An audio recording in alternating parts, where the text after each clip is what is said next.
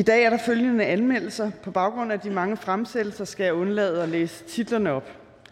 Første indrigs- og boligministeren lovforslag nummer 58, uddannelses- og forskningsministeren lovforslag nummer 59, klima-, energi- og forsyningsministeren lovforslag nummer øh, 60, børne- og undervisningsministeren lovforslag nummer 61, 68 og 69, transportministeren lovforslag nummer 62, social- og ældreministeren lovforslag nummer 63 til 65, beskæftigelsesministeren lovforslag nummer 66 og 67, erhvervsministeren lovforslag nummer 70 og 71, skatteministeren lovforslag nummer 72 til 75, justitsministeren lovforslag nummer 76 til 78, hr. Sikandar Siddique øh, fra De Fri Grønne med flere. Beslutningsforslag nummer 36, Charlotte Broman Mølbæk fra SF og Jacob Mark fra SF beslutningsforslag nummer 38. Titler på de anmeldte sager vil fremgå af folketingstidende.dk.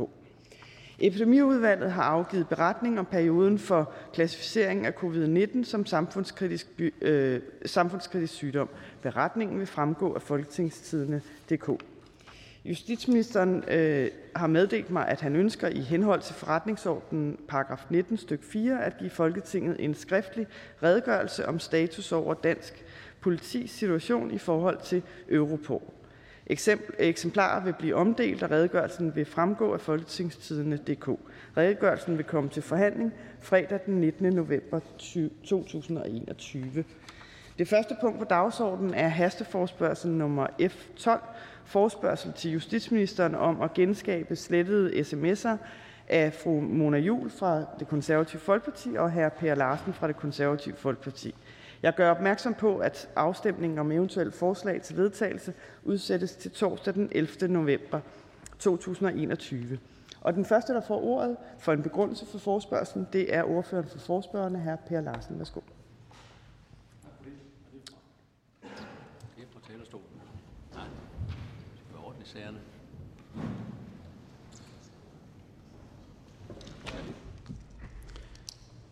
Tak for ordet, formand. Vi står jo endnu en gang med en sag, der udløber af regeringens ulovlige beslutning om at aflive alle landets mink og de facto udslette et helt erhverv. Vi var i november 2020 vidne til et overgreb på sagsløse minkavlere, hvor både politiet, hæren, Fødevarestyrelsen og andre myndigheder truede minkavlerne til at slå deres raske mink ihjel uden hjemmel i nogen lov. Regeringen lukkede samtidig syv nordjyske kommuner, og man åbnede så dog dem igen efter 14 dage, da det ret hurtigt kom frem, at truslen om et nyt Wuhan i Nordjylland var helt forfejlet. Den såkaldte kloster 5 var uddød cirka syv uger før nedlukningen og var ikke set siden.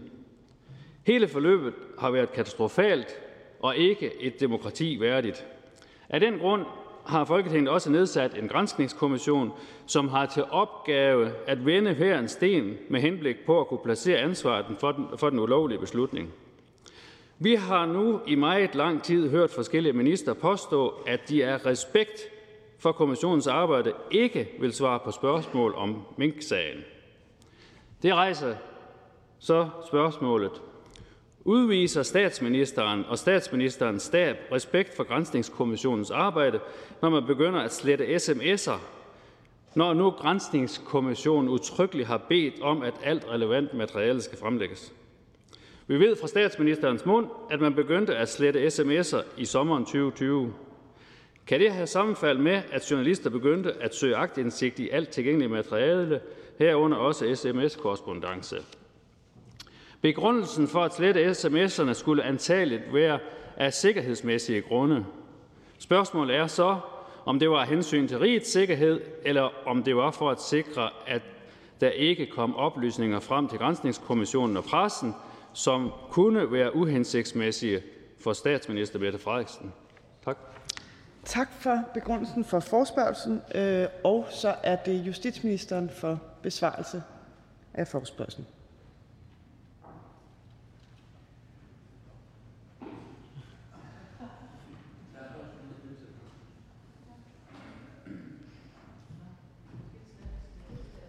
Værsgo til ministeren.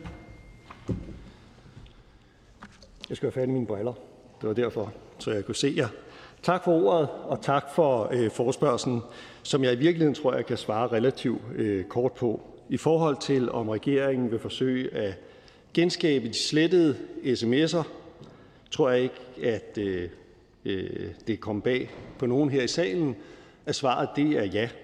Den 29. oktober oplyste Justitsministeriet, at ministeriet efter aftale med Statsministeriet har bedt politiets teknikere om bistand til at genskabe sms'er er muligt relevant for Mink-kommissionens undersøgelse af de telefoner i Justitsministeriet og Statsministeriet, som har været indstillet til automatisk at slette sms'er efter en bestemt periode. Justitsministeriet har i den sidste uge løbende overvejet overdraget de relevante enheder til politiets teknikere. Det drejer sig blandt andet om telefoner, og det drejer sig om iPads. Eventuelle genskabte sms'er vil blive udleveret til de enkelte personer. De pågældende vil i givet fald herefter skulle identificere eventuelle sms'er af relevans for kommissionsundersøgelsen. Sådanne sms'er vil så blive udleveret til kommissionen. Efterfølgende kan kommissionen indkalde udvalgte personer til et møde med henblik på at kontrollere, om der er yderligere sms'er, som efter kommissionens opfattelse er relevante. Den fremgangsmåde er blevet aftalt med min kommissionen øh, den 8. november i indeværende år, og den svarer fuldstændig til den generelle fremgangsmåde, som igen efter aftale med kommissionen er blevet fulgt i forhold til udlevering af sms'er, sådan som det allerede er sket. Det er sådan set svaret på det første spørgsmål. Inden jeg går videre til andet øh, spørgsmål, vil jeg dog godt lige også i hukommende de indledende bemærkninger øh, minde om, hvad det er, vi taler om. Folketinget har, og jo med fuld opbakning fra regeringen, nedsat en grænsningskommission til at undersøge sagen om aflivning af alle mink. Der er ikke tale om en politimæssig efterforskning. Der er ikke nogen, der er sigtet eller tiltalt, og kommissionen er jo af gode grunde ikke en domstol. Regeringen har taget det helt ekstraordinære skridt at bede politiets eksperter om at hjælpe med at forsøge at genskabe materialet, som kan være relevant for kommissionens undersøgelse. Det er sket på baggrund af samtykke fra de personer, hvis udstyr bliver undersøgt. Jeg kender endnu ikke resultatet af politiets bestræbelse på at genskabe sms'erne, men jeg håber personligt meget, at det lykkes, for det er kun i regeringens interesse, at Mink-kommissionen modtager eventuelle relevante sms'er. Det er i det hele taget kun i regeringens interesse, at kommissionen får det bedst mulige grundlag for sin undersøgelse. Regeringen har ikke noget at skjule i denne her sag eller i andre sager. Og så til det andet spørgsmål. Har regeringen taget kontakt til teleselskaberne, eller vil regeringen gøre det? Der tror jeg lige, der er grund til at starte med faktisk at få styr på fakta. Ikke mindst fordi vi for tiden bruger i anden sammenhæng en del tid på at diskutere lokning og anvendelse af lokning. Se, det er sådan, når teleselskaberne logger oplysninger, så logger de ikke indholdet af oplysningerne. Derimod logger selskaberne blandt andet oplysninger om, hvilke telefonnummer har været i kontakt hvornår. Så man ville altså ikke med sådan en, en øh, oplysning om de loggede oplysninger kunne komme frem til, hvad der måtte være sagt, men hvem der har talt sammen eller sms'et sammen. I øvrigt har Justitsministeriet allerede den 3. november oplyst Folketinget om, at ministeriet er bekendt med, at min kommission den 25. oktober anmodede TDC, som er statens teleudbyder, om at udlevere materialet om specifikke medarbejderes sms-korrespondance til brug for kommissionens undersøgelse. Allerede derfor er svaret nej, fordi oplysningerne jo som som omstændighederne nu måtte være, vil blive tilvejebragt for øh, kommissionen. Så afslutningsvis vil jeg bare gerne gentage, at regeringen samarbejder fuldt ud med min kommissionen. Det har Justitsministeriet redegjort udførligt for i et skriftligt bidrag til Statsministeriets svar på spørgsmål nummer 21 fra øh, Folketingets udvalg for forretningsorden, som blev sendt til Folketinget i går, altså tirsdag. Og jeg havde også selv lejlighed til at redegøre for en del af forløbet øh, på et pressemøde i sidste uge, og jeg vil ikke trætte hverken jer i salen eller tilhørende med en fornyet gennemgang. Og endelig vil jeg gerne minde om, at Grænsningskommissionen er en selvstændig myndighed, der selv bestemmer, hvordan den vil tilrettelægge sin undersøgelse. Der er mange, der har givet udtryk for en holdning til, hvordan kommissionen skal tilrettelægge sin undersøgelse. Må ikke, at det er bedst at lade kommissionen afgøre det? Tak for ordet. Tak til justitsministeren. Og nu er der adgang til en kort bemærkning fra ordførerne, og den første, der har bedt om det, det er hr. Alex Vanopslagh. Jeg må se.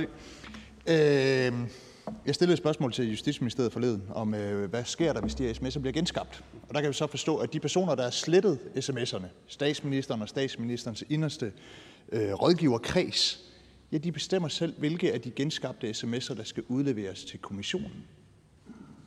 Altså, det er jo næsten sådan helt Monty Python-agtigt. Det er jo en vidighed. Altså, udover regeringen og måske nogle få støttepartier, er der jo ingen, der tror på det, som både statsministeren og justitsministeren siger med, at man vil samarbejde fuldt ud med kommissionen. Hele historikken viser jo, at man modarbejder kommissionen. Så jeg egentlig hører øh, justitsministeren, om man ikke kan se det, det ufordelagtige i, at man selv kan sortere i, hvilke sms'er kommissionen får. Altså egentlig også for jeres egen skyld, for ellers vil mistanken jo vedblive. For så vil hele tiden klæbe en mistanke i tilfælde af, at sms'en bliver genskabt, nemlig den mistanke, at man kun har afleveret de sms'er til kommissionen, som man fandt fordelagtigt at aflevere. Skal vi ikke have ændret den praksis? Minister. Øhm, spørgsmålet står i virkeligheden på en præmis om at ville skjule noget, hvilket ikke er tilfældet. Men hvis vi nu øh, lægger det til side, så er det her jo den procedure, som er aftalt med kommissionen. Altså, hvordan synes kommissionen, man skal gribe det her an? Hvis kommissionen, altså med de oprindelige sms'er, det oprindelige forløb, hvor man jo, det var første gang, der bliver øh, søgt så bredt på sms'er, så der skulle man finde ud af, hvordan skal vi gøre det. Og, og et af problemerne er jo, at sms'er jo ikke bliver lagret centralt, og derfor skulle man finde ud af, skal kommissionen så have alle sms'er udskrevet og sidde og sortere i dem, herunder alle private oplysninger og alt muligt andet, der er irrelevant, eller er det i virkeligheden bedre, at vi siger, at dem, som har sendt sms'erne, kan vurdere, hvad der er relevant for den her undersøgelse, og så sende dem frem. Giver det en mulighed for, at man vil kunne snyde? Ja, det gør det jo, hvis man nu øh, var derhen, hvor man, øh, hvor man øh, ville skjule noget. Hvordan garderer vi os mod det? Ja, dels fordi at vi jo gerne vil have sagen oplyst, fordi vores samvittighed er ren som sne, og dels fordi, at øh, det lader aftalen med kommissionen, at kommissionen så kan kontrollere, hvis de nu siger, at ham ikke, han har nok ikke givet det hele, så vi vil gerne se det fulde. Og på den måde kan de jo så tjekke, at det er, som det skal være. Tak, så er det her Christian Thulsen Dahl. Jo, men øh, baggrunden for den her mistro, som vi har, er jo øh, noget, regeringen selv har skabt. Altså Grænsningskommissionen blev etableret af et flertal udenom regeringen, og regeringen gik så med, øh, da der, den kunne se, at der var et flertal. Øh, Grænsningskommissionen beder i april måned om, at man sørger for, at alle sms'er også er til rådighed i det omfang, man får behov for dem på Grænsningskommissionen.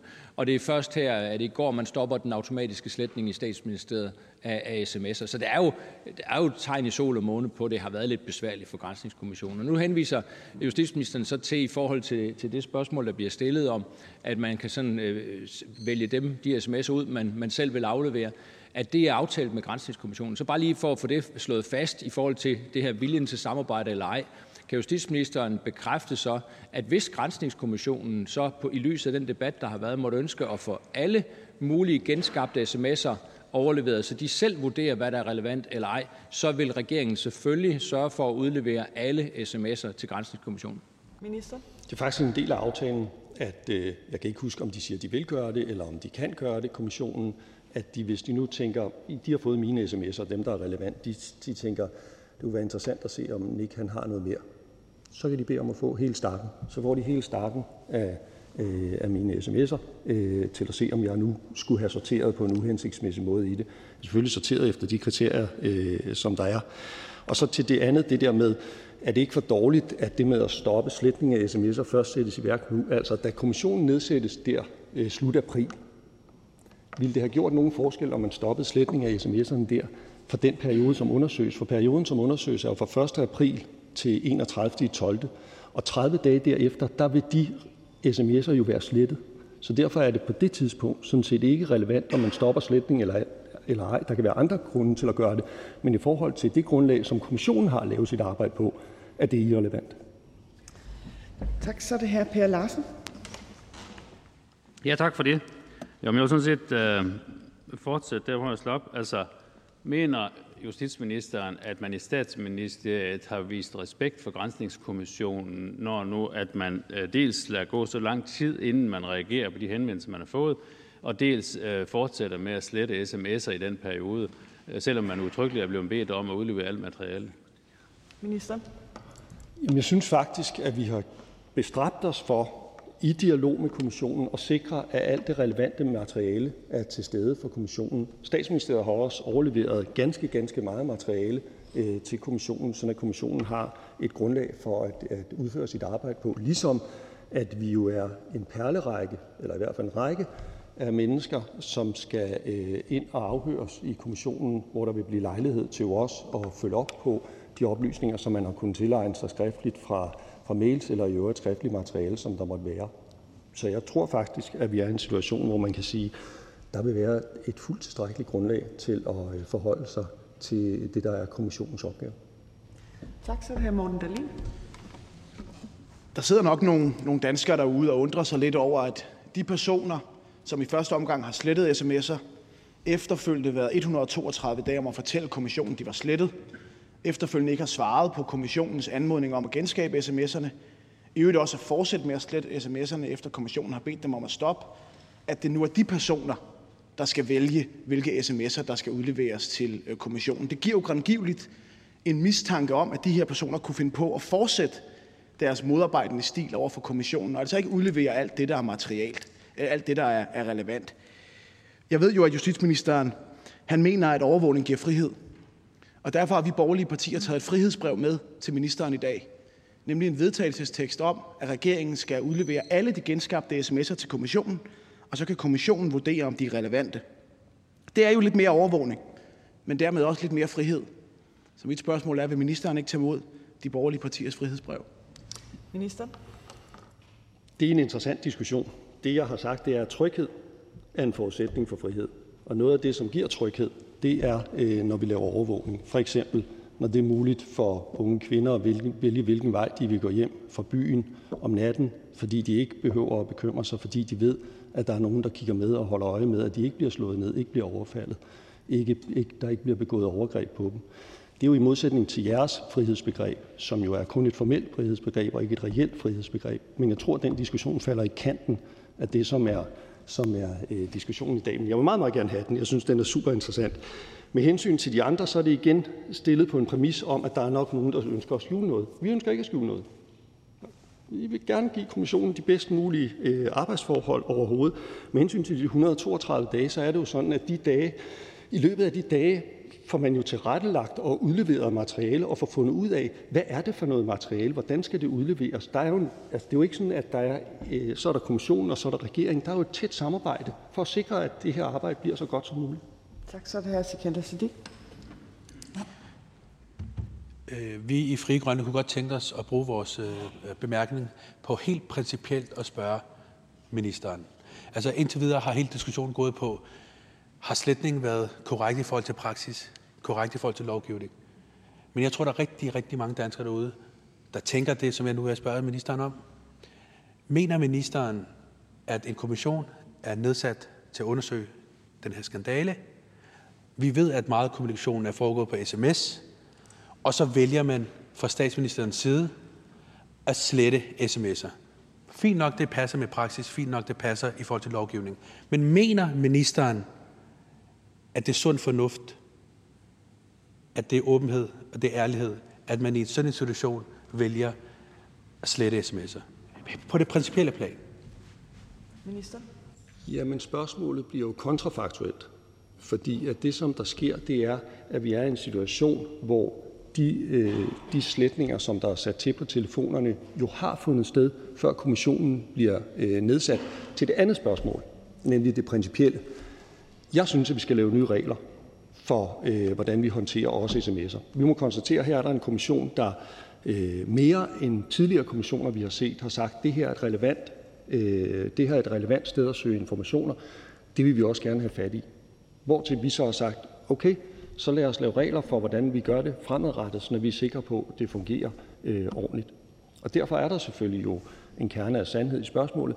Vi skal finde ud af, hvordan vil man gøre det her. Og Der kommer man givetvis til at afveje nogle af de hensyn, som vi i øvrigt har afvejet, når vi for eksempel har lavet nye regler om sletning af mails. Altså det her med hensynet til den ene, på den ene side at kunne øh, få materialet, og på den anden side at kunne sikre øh, nogle af de der dataetiske principper, som jeg ved, at spørgerens parti i anden sammenhæng går meget op i. Tak, så er det her Peder Velblom.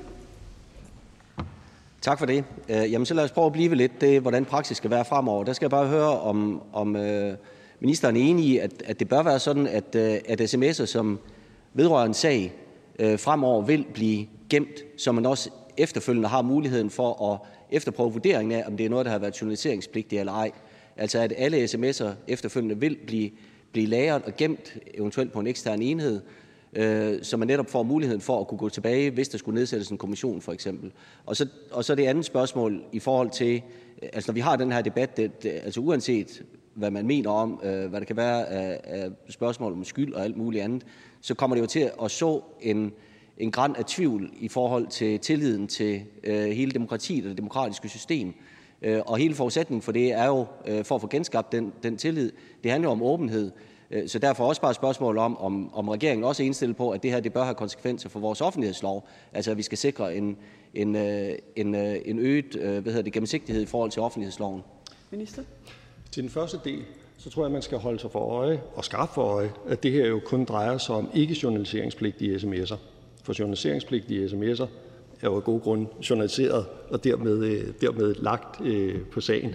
Men det Øh, ændrer jo ikke ved det interessante i spørgsmålet, og jeg synes, spørgsmålet har både nogle praktiske og nogle principielle øh, elementer. Altså, det praktiske først, så skal så findes, og det kan sikkert godt lade sig gøre, jeg kan bare ikke lige gennemskue det, men det kan øh, folk, der har mere forstand på det end jeg. Der skal jo sikres en eller anden form for central læring, eller læring, så man kan genfinde sms'erne, øh, hvis det er det, man vil. På det, øh, på det principielle, der tror jeg, vi bevæger os i retning af, at man må sige, der skal vi finde en eller anden form for måde øh, at, at sikre at øh, eventuelt materiale, der måtte være relevant, ikke går tabt. Om det betyder, at man skal gemme alle sms'er eller nogle sms'er, og hvordan man skal udvælge dem, om man kan udvælge dem teknisk øh, eller hvad, det, det, det ved jeg ikke. Det er jo noget af det arbejde, som vi skal, som vi skal have i gang endnu. Tak så, fru Samia Nava. Mange tak. Det skal ikke være nogen hemmelighed, at vi i Radikale Venstre øh, ikke har fundet det særlig hensigtsmæssigt, at sms'er systematisk er blevet slettet, uden at de så også er blevet opbevaret eller, eller lagret et sted, fordi det netop giver indtryk af, af hemmelighedskrammeri frem for åbenhed og gennemsigtighed. Øhm, men det, jeg godt vil spørge ministeren om, det er, at ja, sletning er jo så sket øh, under hensyn til sikkerhed, øh, har vi øh, måttet forstå, og derfor er slettepraksis jo så også fortsat indtil i går, hvor øh, vi så har fået at vide, at nu er sletningen ophørt. Så jeg vil godt høre justitsministerens vurdering af, hvordan det står til med sikkerheden nu, hvor øh, den her sletning af sms'er, systematiske sletning, den er ophørt. Minister? Jamen, hvis vi stiller os på retsgrundlaget først, så er det jo ikke sådan, at der skal være en særlig grund sådan som det er i dag, til at man sletter sms'er, eller til at man lader være med at slette sms'er. Det kan være sikkerhed. Det kan også være andre grunde, for eksempel lagerplads, eller hvad ved jeg, som gør det. Begge dele er sådan set i overensstemmelse med reglerne, øh, som de er nu. Når jeg ikke selv har slettet mine sms'er, så tror jeg først og fremmest, at det er fordi, at jeg blev udstyret med en telefon fra ministeriet, som ikke slettede sms'er. Havde den været sat op, som jeg havde slettet, sådan den slettede sms'er, så tror jeg som også, jeg havde gjort det. Altså, øh, jeg tror som ikke, at det er mere kompliceret end som så. Så er det fru Karina Lorentzen Denhardt. Værsgo. Ja, tak for ordet. Altså jeg må sige, at jeg er stærkt bekymret ved, øh, at øh, den tidligere justitsminister Søren Pind siger, at øh, han har aldrig journaliseret en sms i hele sit liv, og han mener heller ikke, at der er andre minister, der har gjort det. Det kan jeg jo ikke vurdere, om det er rigtigt. Men det kalder i hvert fald på, at vi får kigget på offentlighedsloven og får den indrettet på en måde, Øh, så den også er egnet til efterlevelse. Og det handler om, at vi skal have mest mulig åbenhed og gennemsigtighed. Derfor vil jeg spørge ministeren, offentlighedsloven. Hvordan ser ministeren på en ændring af det? Det er jo ikke kun ministerbetjeningsreglen, folketingspolitikerreglen, men det er i høj grad også generalklausulen, altså paragraf 33 stykke 5, som lige præcis er blevet benyttet til at undtage øh, dokumenter for agtindsigt øh, som øh, angår øh, kommissionsarbejdet. Øh, og det synes jeg er problematisk. Jeg vil gerne af med den generalklausul, som kan bruges til at hvad kan man sige, undtage hvad som helst fra agtindsigt. Hvad tænker ministeren om det? Ministeren. Jamen, jeg er i dialog med Folketingets partier nu herunder vores spørgerens parti om, hvordan vi skal indrette offentlighedsloven fremadrettet. Den dialog tager udgangspunkt i de partier, som står bag det forlig, som vi har i øjeblikket, og som stadigvæk står bag, nemlig det konservative Folkeparti, og Venstre, Danmarks Liberale Parti, som er dem, som øh, som står bag offentlighedsloven nu. Den dialog, jeg har med dem, skulle så gerne springe ud i noget, som, som så også kan give en dialog med øh, resten af Folketinget. De to, to dialoger kan godt tages parallelt, og derfor bliver de også taget parallelt. Jeg synes, at, øh, jeg grundlæggende synes jeg, at vores offentlighedslov er god. Øh, men jeg vil altid gerne snakke og blive klogere og høre, om der er andre, der synes, at det skulle gøres anderledes. Men jeg er nervøs, når der er nogen, der siger, at vi skal øh, grundlæggende flytte balancen, så der ikke længere er et rum for den fortrolige politiske dialog. Øh, det er et af de steder, hvor min smertegrænse går. Men, men øh, jeg er jo stadig med i snakken, og indtil videre er vi jo tre partier øh, med et relativt solidt flertal i Folketinget på nuværende tidspunkt, der står last og bræst om offentlighedsloven, som vi har den i dag. Fru Pernille Vermund. Tak for det. Når man sletter sine spor, når man sletter sms'er, så er det som regel, fordi man har noget at skjule. Statsministeren og justitsministeren siger, at regeringen ikke har noget at skjule. Statsministeren siger, at grunden til, at statsministeren og tre medarbejdere har slettet sms'er, det er på grund af sikkerheden.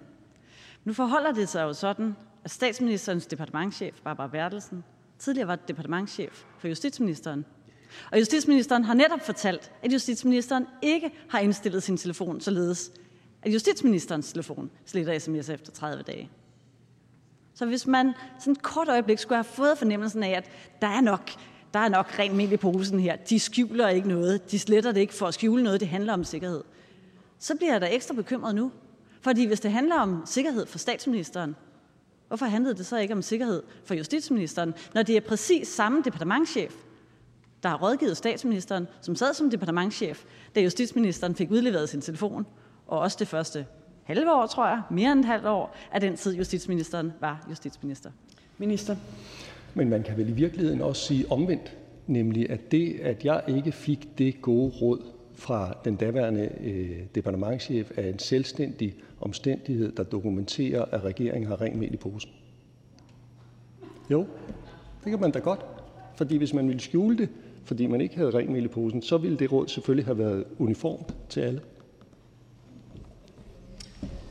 Tak til justitsministeren. Øh, vi går nu over til forhandlingen og de almindelige regler for korte bemærkninger. Og den første, der får ordet, er ordføreren for forspørgerne.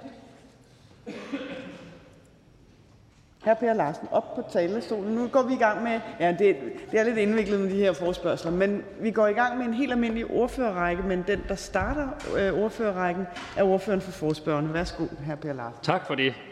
Det er jeg rigtig glad for. Øhm, vi kommer jo ikke udenom, at det her det rejser en masse spørgsmål.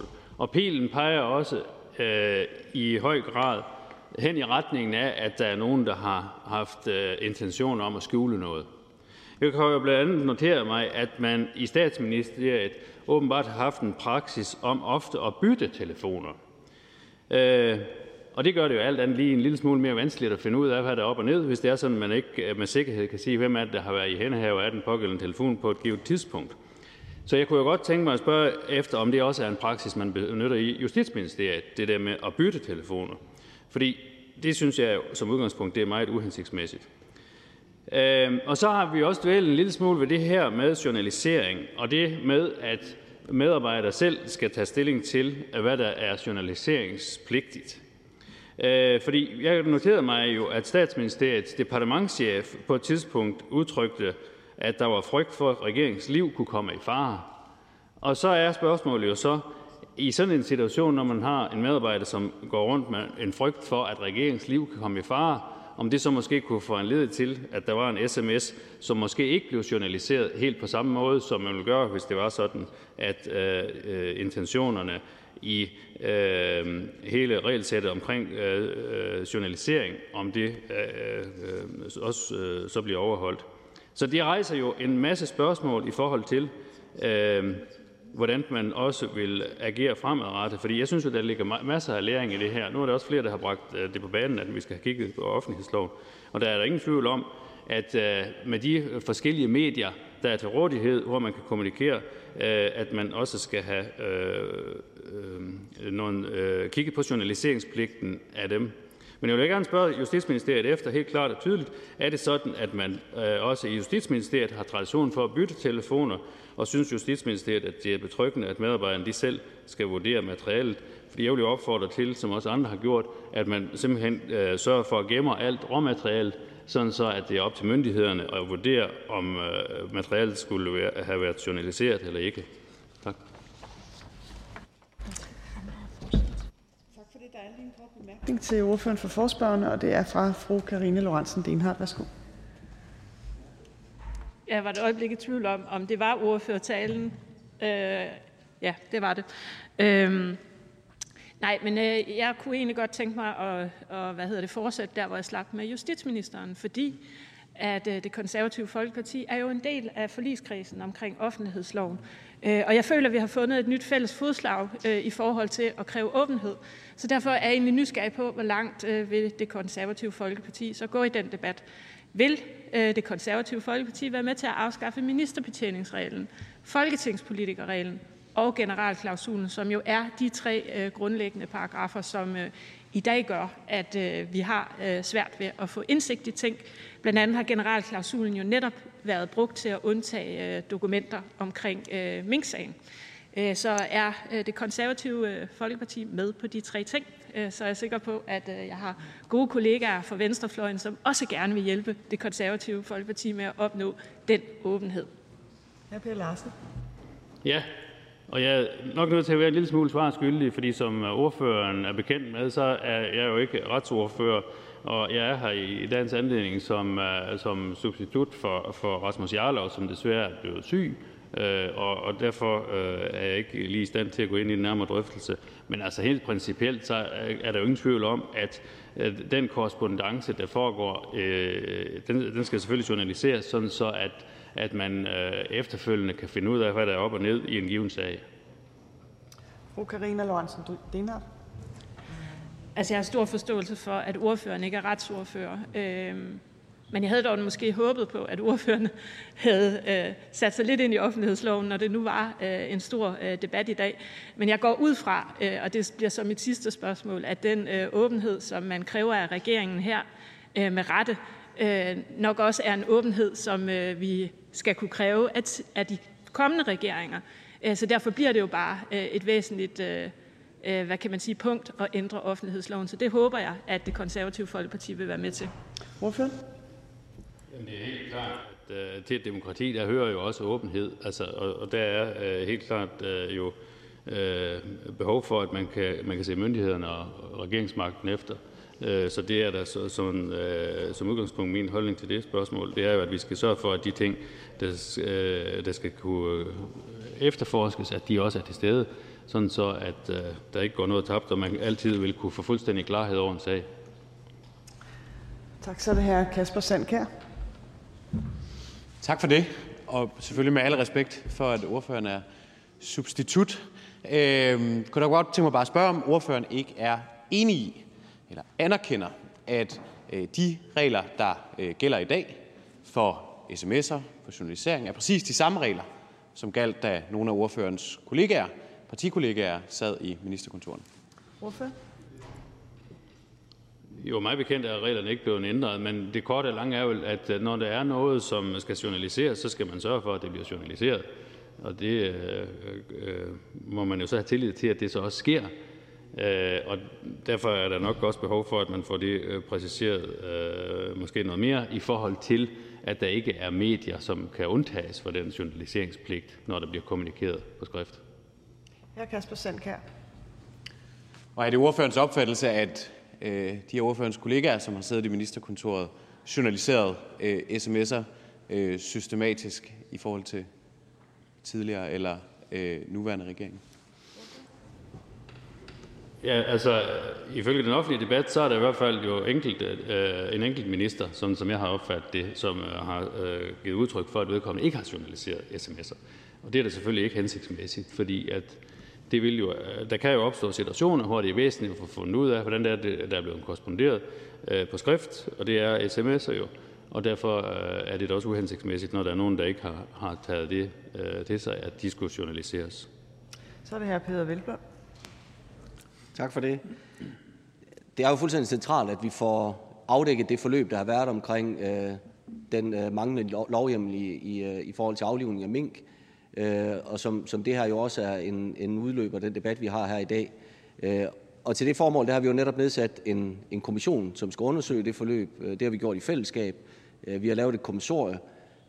Det har vi givet til kommissionen. Vi har bedt dem om at arbejde ud for det kommissorie. Og jeg skal bare høre, om det også er ordførerens opfattelse, at, at det er ret væsentligt, at vi der også holder en, en klar form for politisk armslængde til den kommission, og at vores fornemmeste opgave det er, at kommissionen får de optimale betingelser til at løse sin, sin opgave, at hvis kommissionen kommer og beder os om hjælp til at, at sikre adgang til oplysning, så bistår vi, men at vi derudover i øvrigt ikke blander os i kommissionens arbejde og heller ikke forsøger at påvirke den politisk i forhold til, hvad vi mener, den skal nå frem til af konklusioner. Hvorfor? Nu er det jo en, en øh, speciel konstruktion med den der grænsningskommission. Det er jo ikke sådan en, en, en myndighed, som øh, vi kender. Øh, øh, og der er selvfølgelig et kommissorium for den.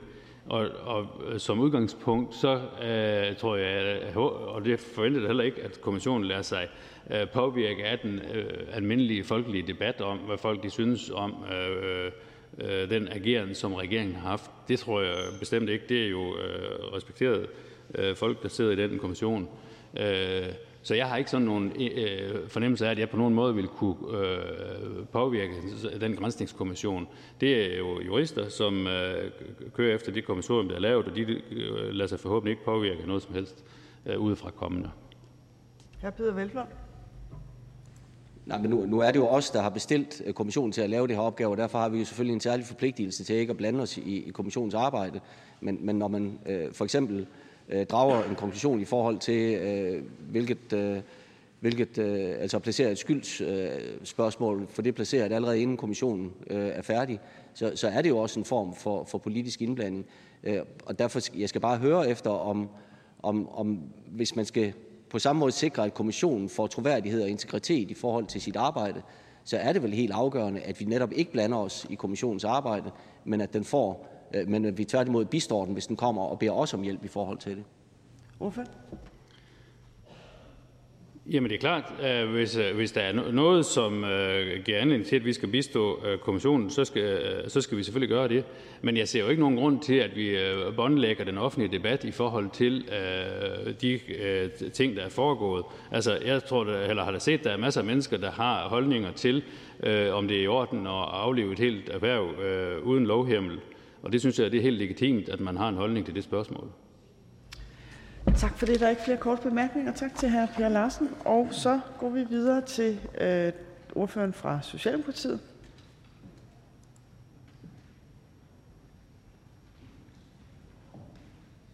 Hr. Kasper Sandkær. Værsgo. Tak for ordet. tak for øh, forspørgselen øh, i dag. Der florerer jo, må man sige, nogle meget hårde anklager om, at regeringen skulle forsøge at skjule noget. Ja, endda jo faktisk bevidst har slettet bevismateriale, og at der nu er en efterforskning i gang fra øh, politiet. Og det må man bare sige, det er jo nogle øh, meget grove anklager mod en øh, siddende regering, og det er jo bare desværre beskyldninger, grove anklager, som kommer fra kollegaer i Folketingssalen. Og problemet er jo bare, at det ikke er rigtigt. Og helt ærligt, så synes jeg faktisk, vi er ved at nå til et punkt, hvor at konspirationerne de er begyndt at tage overhånd. Regeringen har samarbejdet fuldt ud, løbende været i tæt dialog med kommissionen, også om det, der handler om udlevering af sms-beskeder. Justitsministeriet har efter aftale med statsministeriet endda bedt teknikere hos politiet om bistand til at forsøge at genskabe beskeder, som er blevet slettet. Det må man jo sige er et ret ekstraordinært skridt at tage for at sikre, at kommissionen får alt relevant materiale. Men der er jo ikke tale om, der er ikke tale om en politiefterforskning, som der er nogen, der forsøger at tegne et billede af. Der er tale om teknisk bistand fra eksperter hos politiet. Og når regeringen beder politiet om at hjælpe med det, så er det jo netop fordi, man faktisk gerne vil hjælpe med at genskabe de sms'er. For det er i alles interesse, det er måske endda især i regeringens interesse, at forløbet omkring aflivningen af mink bliver fuldt og bliver helt belyst. Og lad mig bare lige minde om, at når vi nu i gang sætter sådan en undersøgelse, som vi jo er enige om herinde at have gjort, og det gælder den undersøgelse, som det gælder alle andre undersøgelser, så er der jo en, det bygger på en præmis om, at der også er en tillid til, at alle de involverede myndigheder, at de også samarbejder om at få den sag belyst mest muligt, bedst muligt, når Folketinget træffer en beslutning om at nedsætte en kommission. Sådan har det været i forhold til tidligere kommissioner, sådan bør det selvfølgelig også være her. Men sådan har det jo ikke været her, fordi allerede inden kommissionen gik i gang, der var konklusionen jo allerede skrevet. Partier som Venstre og Konservative har her i Folketingssalen stemt for at i gang sætte en rigsret, uden at have skyggen af grundlag øh, for det. Det er for mig at se et historisk øh, lavpunkt for det, der vel normalt har været regeringsbærende partier. Og problemet er jo, at når man agerer, som de borgerlige partier har gjort i den her sag, så er man jo inde og pille ved noget helt centralt i demokratiet, og det synes jeg grundlæggende er bekymrende. Det er bekymrende, at man er villig til at sætte den tillid til vores myndigheder, til vores institutioner, til det demokratiske samarbejde over styr, fordi man måske kan ane en kortsigtet gevinst i meningsmålingerne. Og jeg er grundlæggende bekymret for, at den meget polariserende tilgang, den får langsigtede konsekvenser for vores folkestyre og for borgernes tillid. For vi har et fælles ansvar, uanset uenighed, så har vi et fælles ansvar for, at der ikke florerer falske historier, for at man ikke ukritisk bærer brænde til konspirationsbålet. Og det er jo ikke, fordi vi ikke skal være uenige. Det skal vi jo. Vi skal jo lade holdninger brydes, men det skal jo foregå på et ordentligt grundlag. Og det er jo sådan set derfor, vi har nedsat en kommission. Det er jo netop for at kortlægge det forløb, der var om aflivning af mink. Og her vil jeg bare gerne minde om, at den her regering, jo modsat tidligere regeringer, tidligere borgerlige regeringer, som jo har lukket kommissioner, ja, her har vi jo faktisk bakket op om kommissionen. Og det er jo en kommission, som netop har til opgave at belyse og vurdere de spørgsmål, som er blevet rejst. Og til det formål så skal myndighederne selvfølgelig samarbejde med kommissionen om at levere alt det materiale, den skal bruge. Det er statsministeriet og det er justitsministeriet også flere gange oplyst, at man gør, og man stadig er i gang med. Og kommissionen den er jo stadig i gang med at arbejde. Og derfor synes jeg egentlig helt ærligt, det vil være på sin plads, at man stopper med at dyrke grundløse teorier om komplotter og konspirationer, og lader kommissionen passe sit arbejde, gøre det arbejde, som Folketinget jo selv har bedt den om. Tak for ordet. Og så vil jeg gerne læse et forslag til en vedtagelse op på vegne af Socialdemokratiet. Folketinget finder, at der er brug for retningslinjer for opbevaring af digitale kommunikationsformer, og noterer sig, at der pågår forhandlinger om en ny offentlighedslov. Folketinget noterer sig, at regeringen helt ekstraordinært har anmodet politiets teknikere om bistand, og at Mink-kommissionen har anmodet TDC om at udlevere materiale vedrørende sms-korrespondance. Tak. Tak for det, og forslaget til vedtagelse vil indgå i den videre øh, forhandling. Og jeg skal gøre opmærksom på, at det her det er en hasteforspørgsel, og øh, der er højst to timer til den. Vi skal igennem hele ordførerrækken. Der er en del, der har tegnet sig ind til korte bemærkninger nu, og, i, og alle kan selvfølgelig få ordet, men det går jo i sidste ende ud over, hvor mange spørgsmål der er til sidst. Så bare lige en opmærksomhed på det. Men den første, der har bedt om en kort bemærkning, er hr. Alex Vanopslagh. Tak for det. Og øh, jeg vil give ordføreren så meget, at jeg ikke kunne lade være med at sidde og smile lidt undervejs. For jeg kan jo næsten forstå, at, at den her regering har fuld åbenhed og fuld samarbejde med, med Mink-kommissionen. Og i al almindelighed den her sag. Altså, fordi jeg er godt humør, så vælger jeg at kalde det komisk. Men ellers ville det jo bare være, være, være tragisk at påstå sådan noget. Altså, min kommission er bedt om, at man lader være med at slette sms'er. Allerede tilbage i april måned. Alligevel blev man ved med at slette bevismateriale. Men hen, øh, Mink-kommissionen henvendte sig i april måned, og det gik 132 dage, før man indrømmer, at man har slettet sms'erne.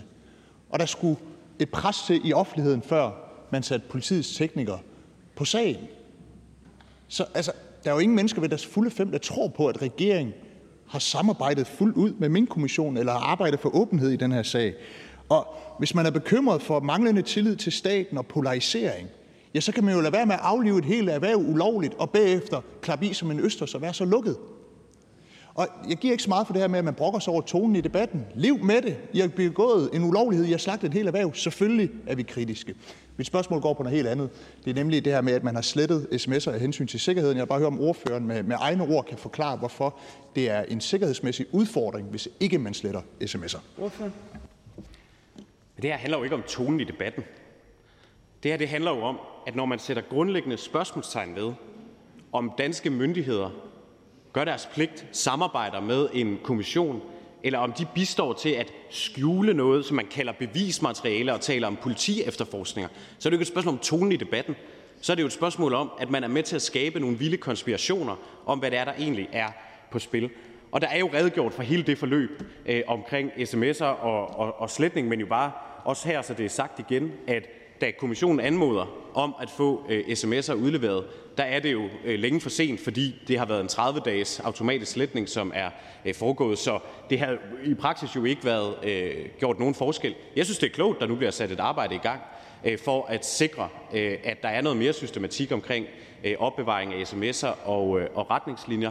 Øh, og, og til det sidste i forhold til øh, sikkerheden, øh, når, man, øh, når, når vi taler om, om sms'er, jeg tror, statsministeren og justitsministeren har jo øh, begge svaret på det, men det er jo et spørgsmål om, der ikke nødvendigvis er fortroligt klassificeret materiale, men der jo sagtens kan være følsomt materiale, også for staten Danmark i samarbejde med andre lande, øh, kommunikation med øh, partier herinde osv.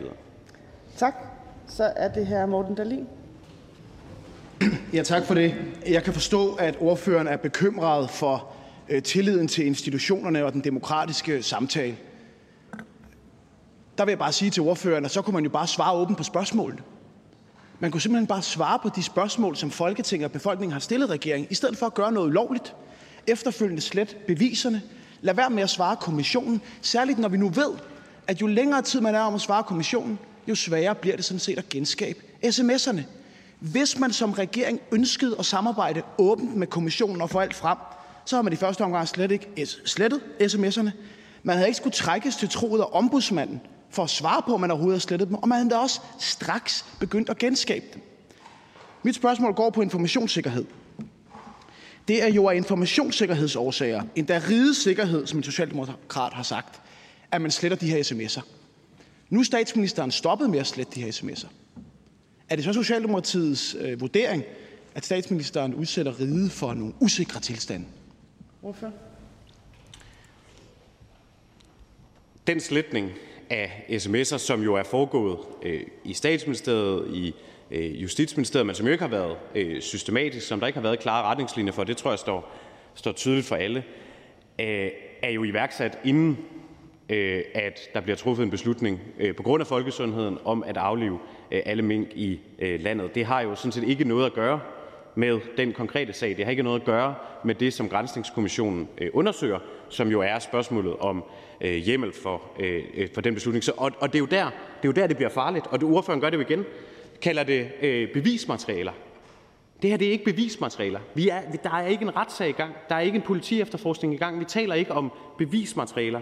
Vi taler om en kommission, som undersøger nogle akter, som myndighederne selvfølgelig skal udlevere, og som skal samarbejde om at udlevere. Og det arbejde har jo været i gang længe, og det pågår øh, stadigvæk, at de akter bliver øh, udleveret. Og, og til det sidste vil jeg bare sige, at jeg synes at det er klogt, nu hvor der er rejst sig en debat om, har vi de rigtige systemer for opbevaring af sms'er, at man så sætter den automatiske sletning øh, på pause, indtil der er øh, nye retningslinjer på plads.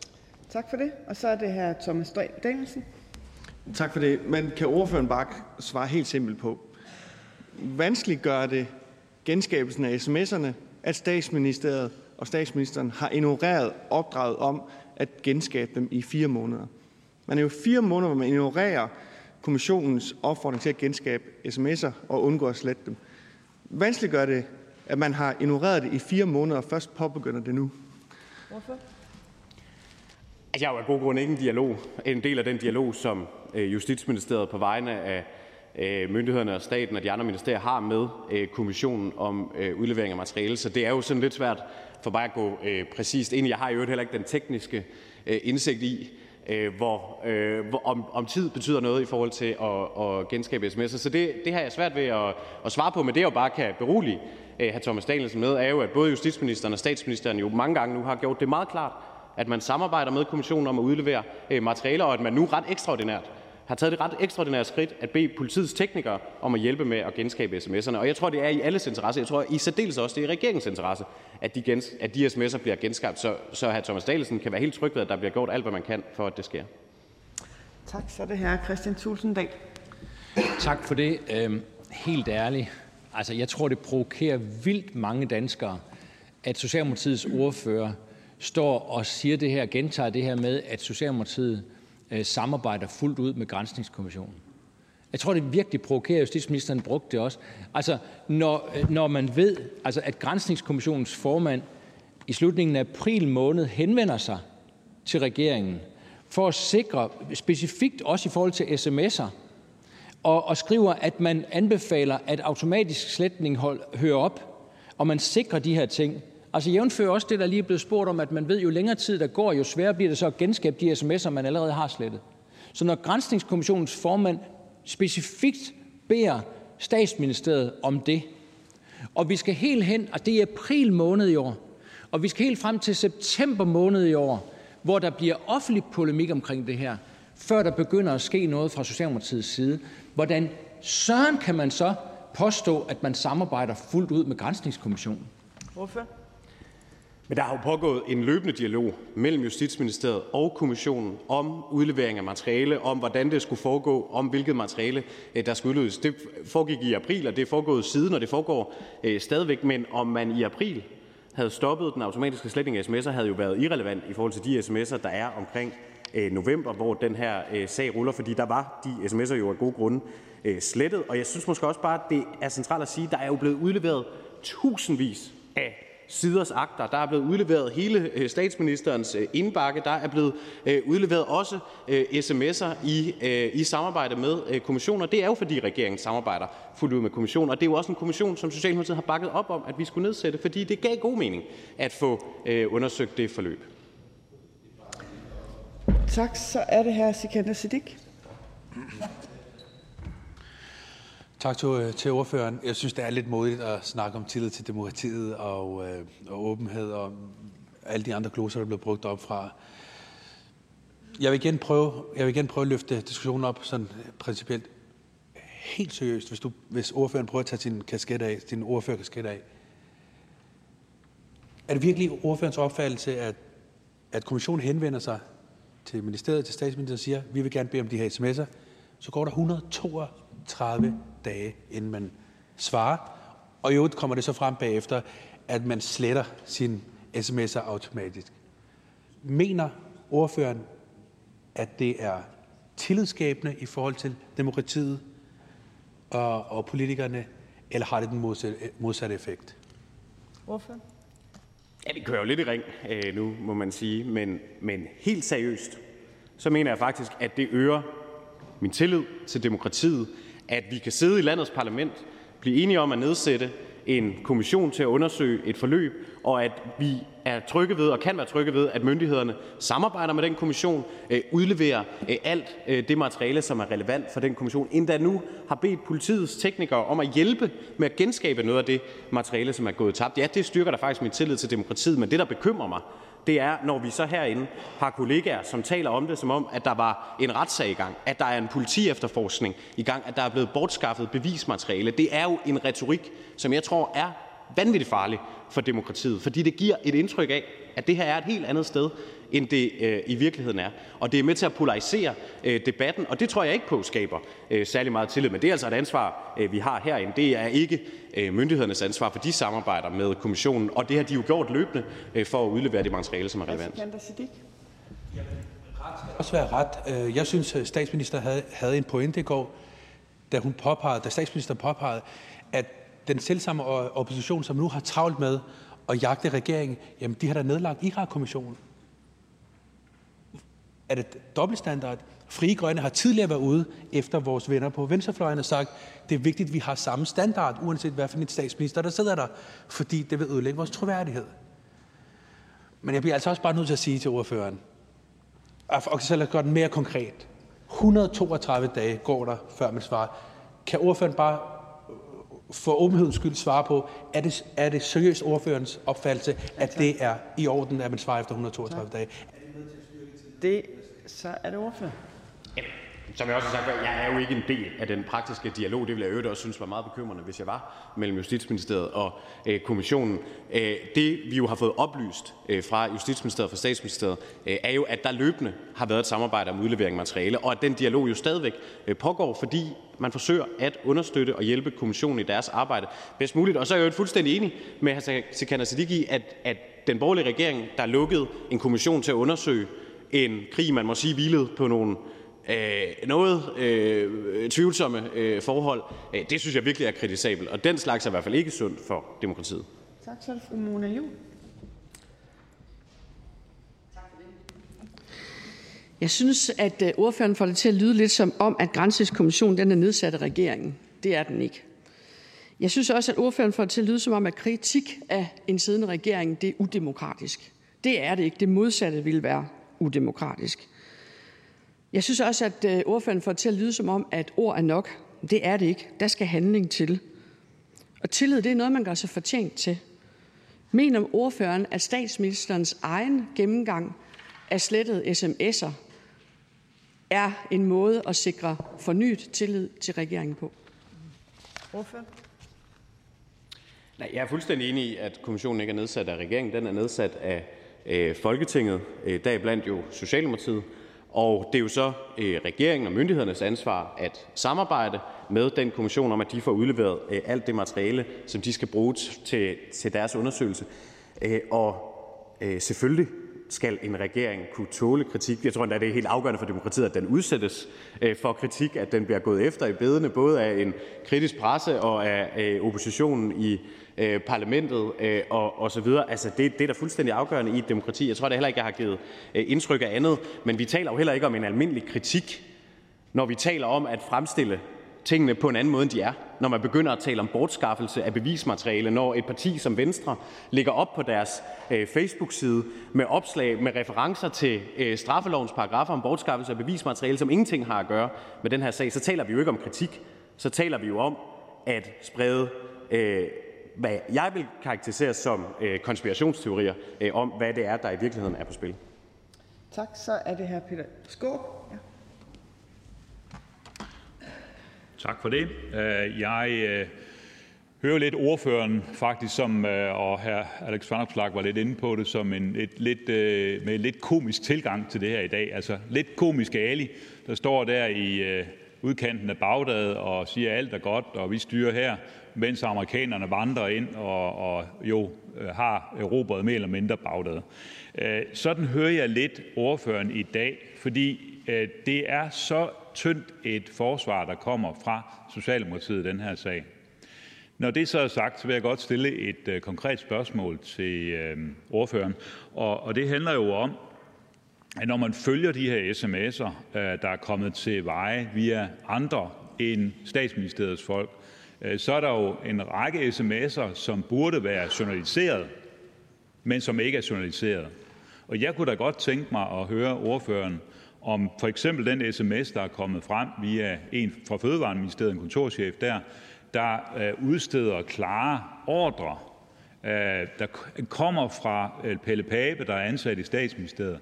Den sms er ikke blevet journaliseret i statsministeriet. Hvordan kan ordføreren virkelig have tillid til, at det er op til de enkeltmedarbejdere, som har afsendt forskellige sms'er og journalisere? Fordi det er jo det, som er kommet frem, at det er det, man vil gøre. Nu står vi jo ikke her i Folketingssalen og, og sagsbehandler øh, efter offentlighedsloven. Altså, jeg kan jo umuligt stå her og tage stilling til, hvad der skal journaliseres eller ej. Det er hverken mit job eller Folketingets øh, job at sikre. Vi skal jo lave øh, regler og rammer øh, for det. Det gør vi jo så i regi af, af, af, af lovgivning. Øh, vi skal jo ikke stå her og sagsbehandle og vurdere øh, konkrete sms'er øh, og hvad der bør øh, journaliseres eller ej. Men der er jo ingen tvivl om, at hele den her øh, diskussion har jo givet anledning til, at øh, regeringen selv har sagt, lad os kigge på, øh, hvordan er øh, reglerne også for opbevaring af, af data osv., men vi kan, jo ikke, vi kan jo ikke stå her og sagsbehandle enkelte sms'er sendt mellem embedsmænd. Det er jo, det er useriøst. Ja, så hr. Peter Skåb, værsgo.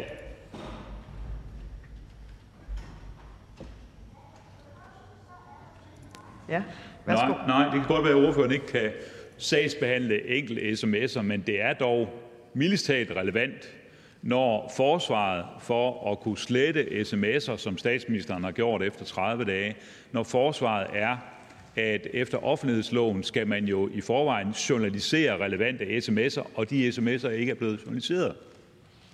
Altså, man kan diskutere offentlighedsloven frem og tilbage, og, og det er der god grund til. Men den er jo trods alt på en måde, hvor hvis der træffes direkte beslutninger, gives ordre øh, omkring for eksempel nedslagning af mink, så skal en sådan sms journaliseres. Så jeg spørger igen: Hvordan kan det være, at der ikke er blevet journaliseret sms'er overhovedet for de fire hovedpersoner i Statsministeriet, som burde have været inde over den her sag? Ordføreren? Ja, to ting. Det er nok meget vigtigt at slå fast, at der jo ikke er blevet sendt en sms med en ordre om aflivning af mink. Altså, det er jo ikke sådan, at den øh, beslutning er truffet, eller den sag er behandlet. Og når det er vigtigt med journalisering, ikke bare af sms'er, men øh, hvad, det, hvad det nu er, så er det jo selvfølgelig fordi, at når der bliver truffet en afgørelse, når en myndighed træffer en afgørelse, at så skal der kunne være indsigt i, hvad ligger til grund øh, for den afgørelse og øh, den beslutning. Og derfor er det jo, og det er jo den lovgivning, vi selv har lavet, så er det jo det materiale, som ligger til grund for beslutningen, som er en del af sagsbehandlingen, som skal øh, journaliseres. Og derfor jeg aner jo ingenting om de konkrete sms'er, og hvad der så i øvrigt har været af materiale øh, på andre platforme, som er øh, journaliseret. Og det er jo derfor, vi umuligt kan stå her i Folketingssalen, og det synes jeg heller ikke er vores opgave at stå og sagsbehandle det. Så er det her Per Larsen. Ja, tak. Nu siger ordføreren jo så, at der ikke blev afsendt en sms med ordre om at aflive alle minkene. Hvordan ved ordføreren det? Ja, det er selvfølgelig et kægt spørgsmål, øh, øh, i og med, at der jo har været en, en automatisk sletning af, af sms'er. Men når at jeg ved det, så er det jo fordi, det jo ikke er sådan, at øh, myndigheder øh, arbejder. Øh, det har man jo, og det er jo også beskrevet i øh, meget andet øh, materiale, øh, som jo er udleveret til Grænsningskommissionen, øh, hvordan den beslutning er, er blevet truffet i, øh, i regeringen. Her Per Larsen. Altså sandheden er jo, og det finder vi aldrig nogensinde ud af, hvis ikke de sms'er de bliver genereret igen. Og jeg vil så godt spørge, om ikke også ordføreren synes, at det er ganske problematisk, at man i statsministeriet åbenbart har byttet telefoner, øh, sådan så at det er umuligt at identificere, hvem det er, der har haft øh, pågældende telefon i, øh, eller en aktuel telefon i, i hænderne på et givet tidspunkt. Ordføreren. Jamen, der skal jo ikke stå nogen tvivl om, at jeg, Socialdemokratiet, øh, absolut håber, at det lykkes Øh, politiets teknikere at genskabe de øh, sms'er. Øh, og så føler jeg mig meget øh, overbevist om, at der ikke vil øh, være sms'er, hvor den øh, ordre er givet i. Øh, og, og derfor håber jeg virkelig, at det lykkes, at vi kan få øh, genskabt de sms'er, fordi der er ingen tvivl om, det har jo skabt øh, meget støj og givet anledning til øh, mange øh, både grove anklager og konspirationsteorier, øh, som jo også er født rundt øh, herinde. Ja. Tak. Så er det fru Karina Adspøl. Tak for det. Jamen, det her er en alvorlig sag, og hvis vi tænker tilbage til den 3. november, så gik der jo en mail fra Fødevareministeriet, øh, Miljø- og Fødevareministeriet til flere forskellige ministre i forhold til, at det netop krævede øh, hjemmel i lovgivning, hvis man skulle aflive mink. Og det fortsætter regeringen så med, og, og statsministeren fortsætter med det, også selvom hun ved, det er ulovligt efterfølgende. Lige for at også holde os til den del, så vil jeg høre ministeren, øh, nej, ikke ministeren, fordi hvis det nu var minister, så talte man jo også under vidneansvar øh, i forhold til at skulle tale sand, fordi netop i forhold til det, Per Larsen siger, ordføreren kan jo ikke vide øh, i forhold til, hvad der er blevet sendt af sms'er. Men når man hører ordføreren, så skulle man næsten tro, at ordføreren vidste det jo. Så jeg vil godt spørge i forhold til det, Peter Skorp også spurgte om, i forhold til de sms'er, der er jo kommet frem. Mener ordføreren ikke, de skulle være journaliseret? Altså i forhold til sms'en fra Stusgaard, men også i forhold til øh, Barbara Bertelse. Og så er jeg jo enig med den konservative ordfører, som sagde, altså, altså, altså tillid, hvis man skal have tillid, så kræver det jo simpelthen også, at man er, taler øh, sandfærdigt i forhold til det her. Ordfører.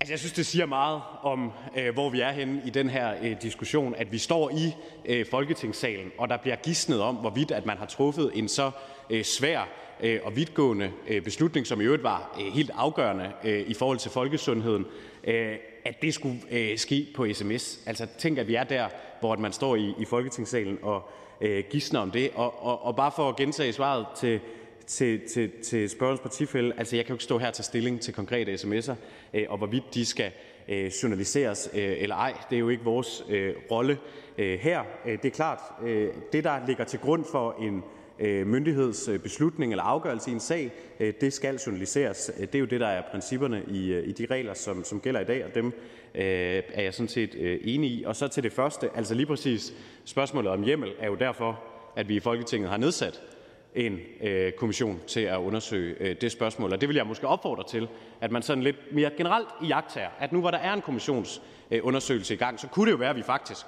skulle afvente, at de kommer med, øh, øh, med, med en afgørelse, inden at, øh, at vi øh, med det samme konkluderer på, hvad svaret bliver på det spørgsmål, vi selv har stillet dem. Så er det fru Karina Adsbøl.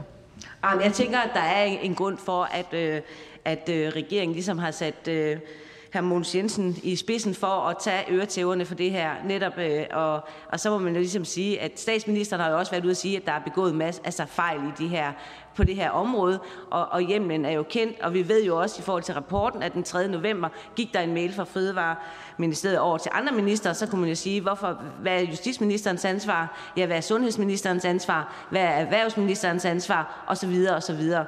Altså, der er jo flere minister, der har været inde over det her, og været bekendt med, at det her, det var altså alvorligt.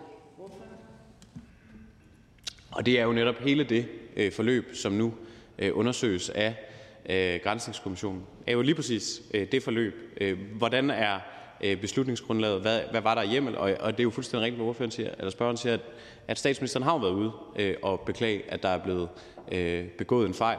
Øh, og nu er der så en kommission, der undersøger, hvordan øh, at den øh, fejl er opstået, og det synes jeg, vi skal afvente, og det synes jeg også, at vi skal have respekt for den beslutning, vi har truffet øh, i fællesskab om at nedsætte en kommission. Tak. Så er det fru Samina Nawa. Tak. Jeg interesserer mig lidt for, for det her med, øh, med sikkerheden og hvordan det står til med sikkerheden nu. Jeg prøvede at spørge justitsministeren til hans vurdering før. Nu vil jeg høre, om ordføreren vil sætte et par ord på, hvad han, øh, hvordan han øh, finder, at sikkerheden er i dag, øh, hvor den systematiske sletning af sms'er jo er ophørt, selvom at den var begrundet i netop et spørgsmål omkring informationssikkerhed. Hvorfor? Jamen, jeg synes, det er klogt, at øh, nu hvor der øh, øh, på baggrund jo også af den øh, diskussion, der er opstået i forbindelse med, med Grænsningskommissionen, øh, og omkring, har vi, har vi det rigtige setup omkring opbevaring af, øh, af, af data fra, fra sms'er og indhold fra sms'er, at man så sætter det på pause og siger, her er noget, vi, vi skal have fundet ud af. Det arbejde er nu øh, blevet, øh, blevet sat i gang. Altså det synes jeg, der er en, er en klog øh, beslutning at, at træffe. Og så er det klart, at imens at det arbejde øh, pågår, må man jo selvfølgelig have øh, øh, forsigtighed omkring øh, brugen af øh, sms'er. Det tror jeg nu, øh, uden at øh, overhovedet øh, være en del af, af, af det, der ligner øh, rækkerne herover, at man i forvejen øh, sådan set har, øh, fordi det jo ikke øh, er et medie, der kan anvendes til øh, fortrolige og krypterede informationer og oplysninger. Fru Samia Nawa. Noget andet, øh, ordføreren også talt meget om, det var, øh, det var tillid. Øh, og, øh, og det er også noget, det min tale kommer til at kredse sig om. Øhm, så øh, helt øh, basic spørgsmål. Altså vil ordføreren ikke være med til at kigge på offentlighedsloven? Altså en helt ny offentlighedslov, der inviterer til åbenhed og dermed jo også tillid. Øh, det synes jeg er en meget relevant debat og et meget relevant spørgsmål i kølvandet på lige præcis det her spørgsmål. Hvorfor? Jo, altså som justitsministeren jo også sagde, pågår der jo drøftelser både med forligskredsen og med, med, med Folketingets partier om, om offentlighedsloven. Øh, og, og det gør der jo også, fordi det er et ønske, øh, jo blandt andet øh, fra øh, øh fru Semir Nawa. Og, øh, og, og så må vi jo tage de snakker om, er der noget, der, øh, der skal justeres? Altså jeg, bare for at være ærlig, altså jeg tror ikke, mit, min sådan udgangspunkt for de drøftelser vil være, at der skal ske øh, revolutioner, men det kan sagtens være, at der er øh, nogle justeringer, som vil være gode at lave af offentlighedsloven. Det er selvfølgelig åben overfor. Tak. Så er det her Preben Bang Henriksen. Ja, tak. Nu har, har både justitsministeren og, og, og ordføreren været inde på øh, situationen, hvor man øh, føler trang til måske at sortere lidt i de her sms'er, der kommer frem. Og øh, i den forbindelse vil jeg da godt høre ordføreren, om ordføreren er enig i, at man generelt er uberettiget til at sortere i sms'erne, hvis kommissionen beder om alle sms'er. Og når jeg spørger, så er det fordi ordføreren har flere gange sagt, at det her er jo ikke en retssag. Men vi må nok sige, at de regler, som gælder omkring, øh, øh, omkring udlevering af materiale, det er jo de, nogenlunde de samme, som gælder i en retssag. Altså i paragraf 9 i lovgrundlaget for den her kommission, der står, at enhver har, pligt, enhver har pligt til at udlevere materiale til kommissionen, når kommissionen anmoder om det. Og i øh, paragraf 10 står der, at hvis man ikke opfylder den øh, pligt, så kan der gives pålæg, pålæg fra kommissionen om at udlevere materiale, og opfylder man ikke det pålæg, så kan man blive taget seks måneder i forvaring i spjældet. Øh, så øh, jeg spørger ordføreren, er ordføreren ikke, pligt, er ordføreren ikke enig i, at man ikke kan sortere i materiale, hvis kommissionen beder om hele materiale? Hvorfor? Jo, det er jeg sådan set øh, enig i. Øh, og, og som jeg forstår den i virkeligheden praktiske måde, som det her øh, fungerer på, så er der jo øh, mellem kommissionen og Justitsministeriet en løbende dialog om, Øh, hvad for noget materiale er øh, kommissionen interesseret i? Justitsministeriet øh, fremskaffer det, har selvfølgelig selv et ansvar for at sige, at der er relevant materiale, der vedrører det, som kommissionen undersøger, som, som de selvfølgelig skal have udleveret. Og hvis det så, og det gør det jo forhåbentlig lykkes at genskabe sms'erne, så vil det jo ligesom, hvis de havde været der fra starten af, være de medarbejdere, som i første omgang bliver bedt om at tage stilling til, er der noget materiale her, som er relevant Øh, for kommissionen at undersøge. Der må jeg bare sige, der har jeg rigtig meget tillid til øh, de ansatte i vores centraladministration, at de selvfølgelig udleverer øh, alt relevant materiale, når Folketinget har nedsat en kommission. Det har jeg ingen grund til at betvivle. Og, og så er det selvfølgelig rigtigt, som hr. Preben Bang Henriksen siger, at så er der jo selvfølgelig den mulighed, at kommissionen kan sige, at de vil udtage hele sms-indbakken og, og, og gå det igennem. Men, men må ikke, at det også i den praktiske virkelighed trods alt er lettere for kommissionens arbejde, at der er nogen, der, som har siddet med sagerne, som kender materialerne, der hjælper med at udvælge, hvad der egentlig er relevant. Tak, hr. Preben Bang Henriksen. Og hvis kommissionen gør det sidste, nemlig beder om alt materiale, så skal alt materiale udleveres. Det er spørgeren eller ordføreren enig i? Ordføreren? Jamen, der er, pågår jo den dialog hele tiden øh, mellem øh, Justitsministeriet og kommissionen om øh, udlevering af materiale, og øh, jeg synes ikke, der er nogen grund til at antage, at kommissionen ikke skal få øh, og ikke får alt det materiale, som øh, de beder om, og kommissionen har jo så bedt om, øh, også de her øh, sms'er, og derfor er der nogle ret ekstraordinært taget skridt til øh, at genskabe dem, så det også kan indgå i øh, kommissionens arbejde. Tak, så er det fru Pernille Vermund. Tak. Ordføreren sagde tidligere, at det, der er relevant for en myndigheds afgørelse af en sag, skal journaliseres. I en sag, som handler om nedlukningen af et helt erhverv, mener ordføreren så, at en sms om, at man skal lukke erhvervet, er relevant og dermed også bør journaliseres? Ordføreren? Altså, jeg, kan, jeg, jeg, jeg har meget svært ved at forstå, at vi skal stå herinde i Folketingssalen og behandle konkrete sms'er øh, sendt mellem embedsmænd. Men, men, men, men det må jo så øh, være sådan. Og, og så må jeg bare sige, som jeg forstår øh, reglerne, det er jeg helt sikker på, at der er dygtige folk, der kan møde op i retsudvalget og, og gå igennem øh, med os, men, men så, er, øh, så skal der jo journaliseres noget, som er øh, relevant for øh, sagens afgørelse. Så der kan jo sagtens foregå alverdens kommunikation om en sag, men det, som skal journaliseres, det er jo det, som er relevant eller som ligger til grund for en myndighedsbeslutning eller for sagens afgørelse. Fru Pernille Vermund. Tak. Jeg har faktisk lidt ondt af ordføreren. Øh, og når jeg er ondt af ordføreren, så er det fordi, man kommer let på glat isen, når man skal forsvare noget, som man jo af gode grunde ikke har fuld indsigt i. Altså det er jo helt umuligt for ordføreren at have indsigt i, hvad ligger der af korrespondence på nogle sms'er, som ordføreren ikke selv har set, som er slettet for længst, og som formentlig af samme årsag vækker en vis øh, mistillid, mistro blandt rigtig mange danskere og også blandt ordfører her. Hvordan føles det som ordfører at stå her og skulle stå på mål for noget, som man overhovedet ikke har indsigt i? Ordfører?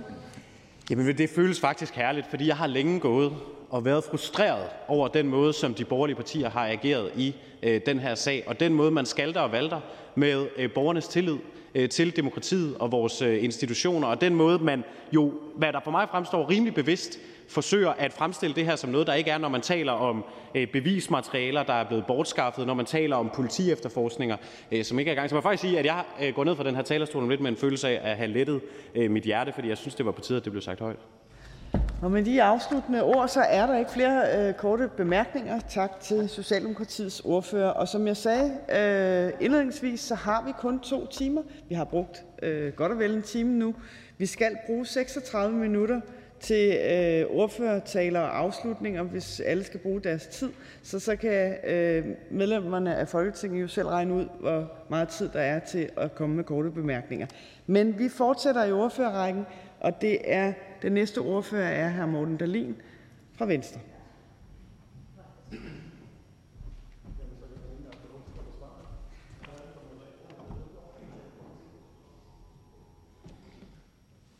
Det, vi skal tale om i dag, det er jo ikke engang det, der er en af Danmarks historiens, nyere Danmarks historiens største politiske skandaler, nemlig den ulovlige aflivning af alle mink.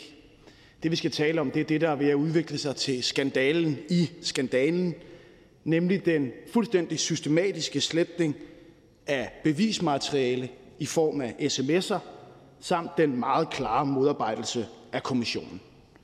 Og lad mig starte med at opsummere, hvad vi ved. Vi ved, at statsministeren og hendes tætteste medarbejdere, som nærmest de eneste i hele centraladministrationen, systematisk har slettet deres sms'er. Vi ved, at statsministeren ikke vil fortælle præcis, hvornår hun startede med at slette sms'er, men at hun formodentlig gjorde det samtidig med, at Folketinget besluttede at nedsætte en uafhængig undersøgelse af hele minkskandalen. Vi ved, at da kommissionen i april i år beder om, at der skal stoppes med at slette sms'er, så fortsætter statsministeren lystigt sit sletteri. Vi ved også, at statsministeren ventede i 132 dage med at give kommissionen besked om, at sms'erne var slettet. Og derudover så ved vi, at statsministeren faktisk aldrig nogensinde svarede, da kommissionen bad om at få genskabt sms'erne. Og nu ved vi så også, at på trods af alt det her, så har Socialdemokratiet frækheden til at stå her på Folketingets talerstol og sige, at det er os andre, der sætter spørgsmålstegn ved demokratiet. At det er os andre, der sætter spørgsmålstegn ved tilliden til centrale samfundsinstitutioner. At man kan tillade sig det, det er en frækhed uden lige.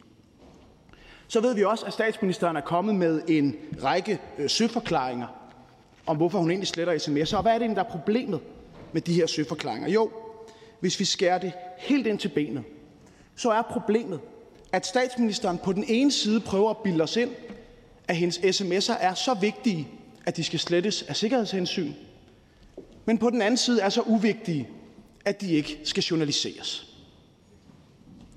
Man skal enten skylde sit politiske mandat eller sin løncheck til Socialdemokratiet, hvis man ikke kan se, at der er noget galt med den forklaring.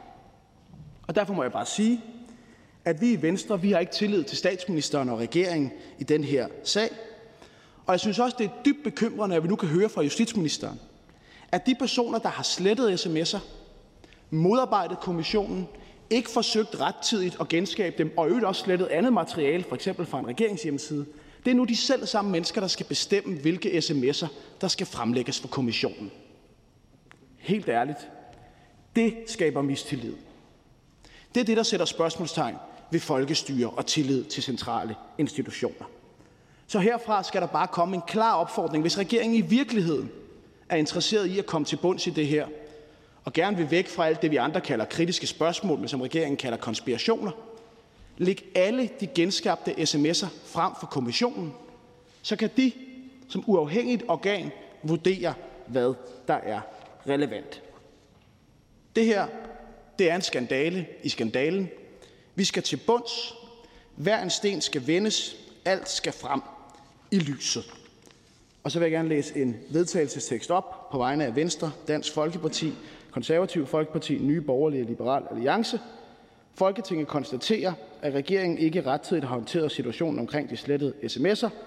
Folketinget kritiserer regeringen for at have modarbejdet kommissionen og ikke stoppet sletningen, da kommissionen bad om dette. Folketinget pålægger regeringen at udlevere samtlige gendannede sms'er til Grænsningskommissionen. Tak for det. Og der er et par korte bemærkninger. Så også til Peter Velblom. Tak for det. Man plejer at sige, at for den rene, der er alting rent.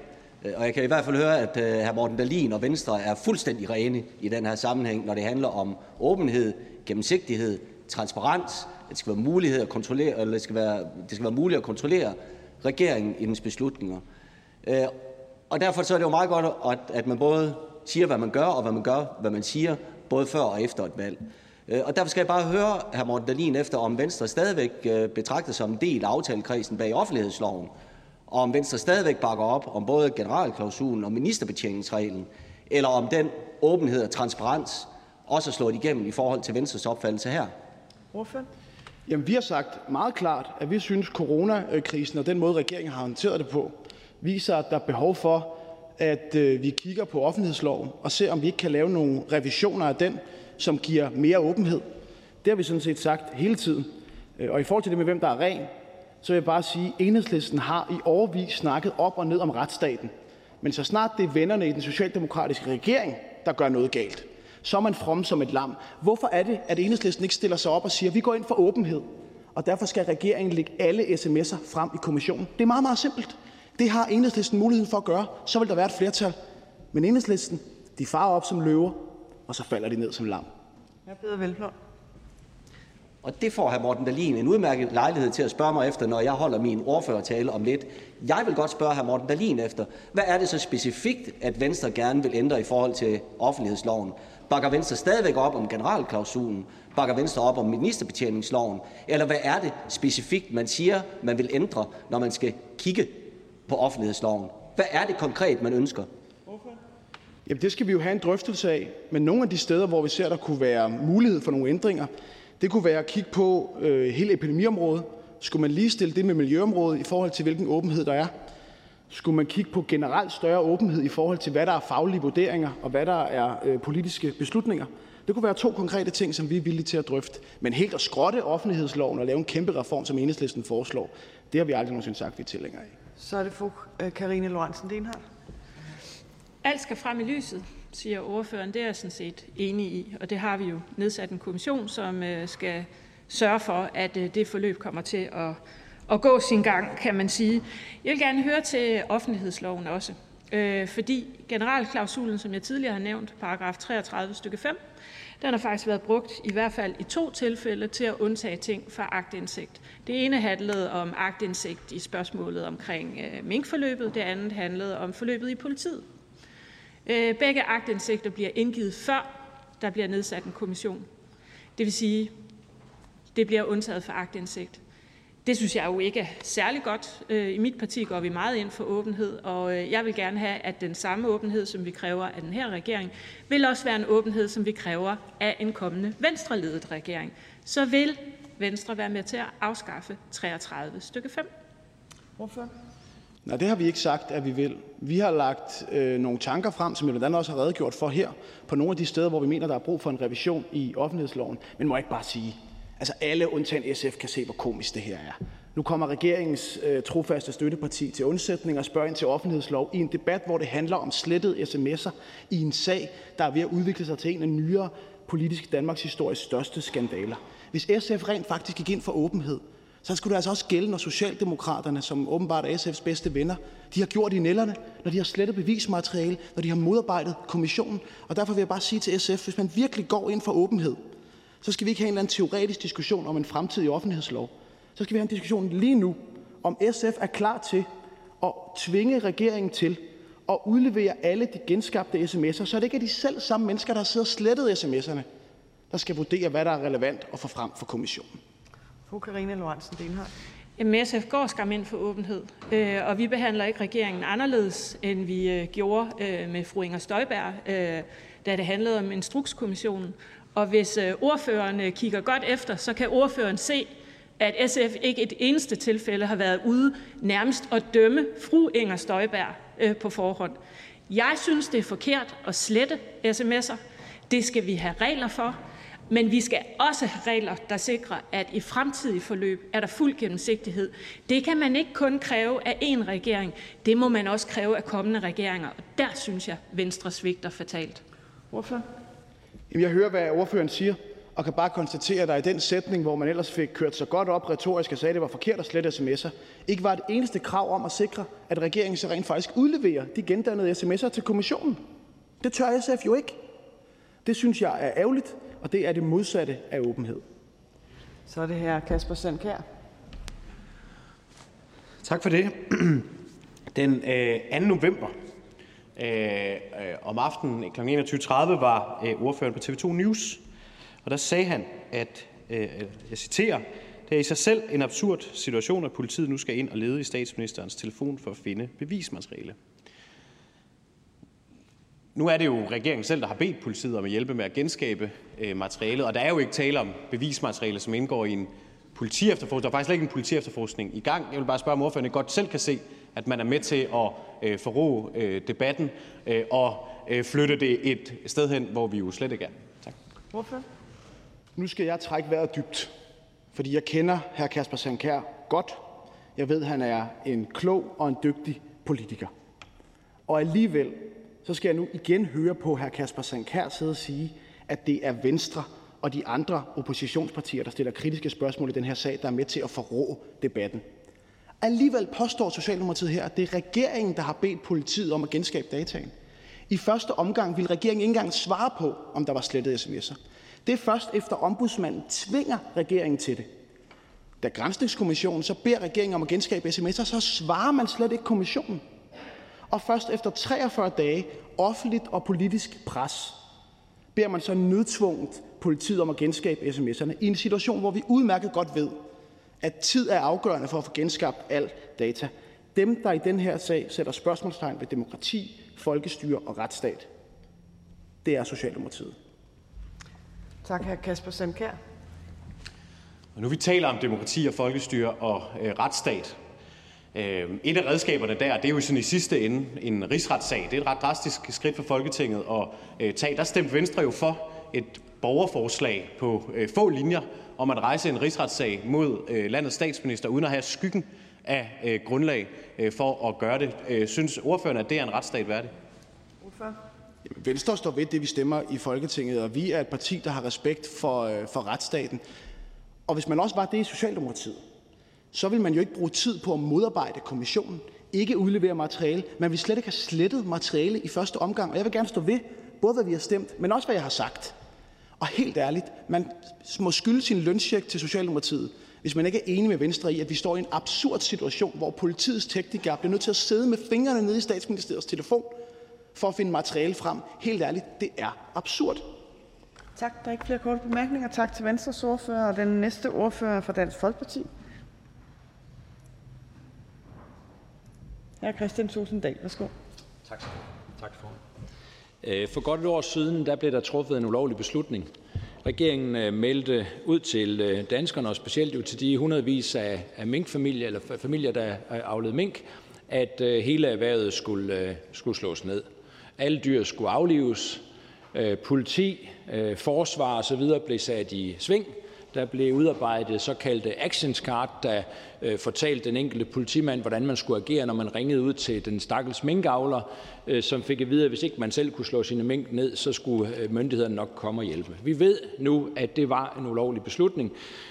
Senest var jeg i debat med, undskyld, med fødevareministeren, der sagde, at øh, vi havde lovhjemmel til at aflive 75 procent af minkene. Så skulle regeringen nok være stoppet der og så skaffe sig et lovgrundlag i givet fald for at gå videre end det, der var lovhjemmel til. Nu handler det så om, hvorvidt man kan komme til bunds og finde ud af, hvad skete der egentlig? Altså, hvem træffede beslutningen? Hvem vidste, at det var ulovligt? Hvem burde i virkeligheden have stoppet den her ulovlighed fra regeringens side, som jo også forløbig koster skatteyderne forventeligt op mod 20 milliarder kroner? Det er der så nedsat en, en grænsningskommission af Folketingets flertal til at gøre. Helt fantastisk at høre Socialdemokratiet, der mener, at man fra første færd har bakket grænsningskommissionen op. Nej, det var da der var et flertal her i Folketinget, som ville nedsætte grænsningskommissionen. Så kom Socialdemokratiet luskende til og sagde, så vil man da gerne være med til at nedsætte den. Og det var vi da glade for. Men at Socialdemokratiet var dem, der tænkte en grænsningskommission fra starten af, det er historieforfalskning øh, på den helt store øh, klinge. Grænsningskommissionen de bad så i april måned om, at øh, man stoppede al automatsletning, blandt andet også af sms'er, og man øh, sikrede øh, de her forskellige dokumenter, som Grænsningskommissionen vurderede at kunne få behov for. Og her i september måned, ganske lang tid efter, da der havde været polemik omkring lige præcis det her spørgsmål, der synes Socialdemokratiet, det var på sin tid, på tide at begynde at kigge på de her øh, sms'er. Og automatsletningen den foregik så i statsministeriet indtil i går, hvor man sikkert presset af støttepartierne holder op med sin automatsletning. Og det åbner jo så det næste spørgsmål, nemlig at når statsministeren jo sagde, at automatsletningen den foregik af hensyn til informationssikkerhed, har et svar her fra statsministeriet, hvor der står så, øh, fra spørgsmål øh, 154, vi kan svare på her 9. november, at statsministeriet kunne oplyse, at det var af hensyn til informationssikkerhed, man slettede de her sms'er. Så bliver jeg jo helt bekymret, når sletningen nu er stoppet i går. Fordi hvad i alverden er det nu for en usikker fremtid, vi går i møde fra statsministeren og de ledende embedsmænds folk, der har haft den her automatsletning på af hensyn til informationssikkerheden, når man nu ikke sletter længere? Altså, jeg siger bare, at det blaffer jo fuldstændig i, i vinden det hele. Regeringen har et kæmpestort øh, forklaringsproblem. Det var nok ikke på grund af informationssikkerheden, selvom vi nu har det på et skriftligt svar her, også fra statsministeriet. Det var måske på grund af sikkerheden, men nok ikke rigets sikkerhed eller informationssikkerheden, men måske de pågældende personers egen sikkerhed, fordi det vil være lidt ubekvemt at få indholdet af de her sms'er frem øh, for dagens lys. Og så er der det næste spørgsmål, der handler om journaliseringsforpligtelsen. Fordi vi er jo enige om, åbenbart her i Folketinget, at også det, der foregår på en, en sms, hvis det har karakter af det, der jo er omfattet af journaliseringsforpligtelsen, skal jo så selvfølgelig journaliseres. Så når man har automatsletning på sin telefon, så skal man jo i princippet hver måned, inden automatsletningen foregår, så skal man jo ind og kigge på sms'erne og finde ud af, er der nogen her, som så i givet fald skal journaliseres. Det er ikke sket. Det er jo ikke sket. Og derfor ved vi også, at der har været et brud på journaliseringsforpligtelsen. Fordi selvfølgelig er der i den her periode ting, der er foregået sms, som ellers for år tilbage ville være foregået på mail eller på anden vis. Og må jeg bare lige minde om, Vi taler om en periode, hvor ganske mange medarbejdere var hjemsendt på grund af corona, og hvor vi alle sammen ved, at så foregår en større del af kommunikationen om, hvad der skal foregå på sms. Så derfor, regering og Socialdemokratiet, I har virkelig en dårlig sag. Og det vil tjene jer, hvis I accepterede det, anerkendte det og undskyldte over for Folketinget og den danske befolkning og fandt øh, ud af at gebære jer på en anden måde i alt det her, så vi kunne få genopbygget noget tillid. Tak for det. Jeg skal lige minde om, at øh, det her med direkte tale, det gælder også i flertal. Men tak til ordføreren. Der er ikke nogen korte bemærkninger. Så vi fortsætter med øh, ordførerrækken til øh, ordføreren fra Socialistisk Folkeparti. Fru Karina Lorentzen Denhardt.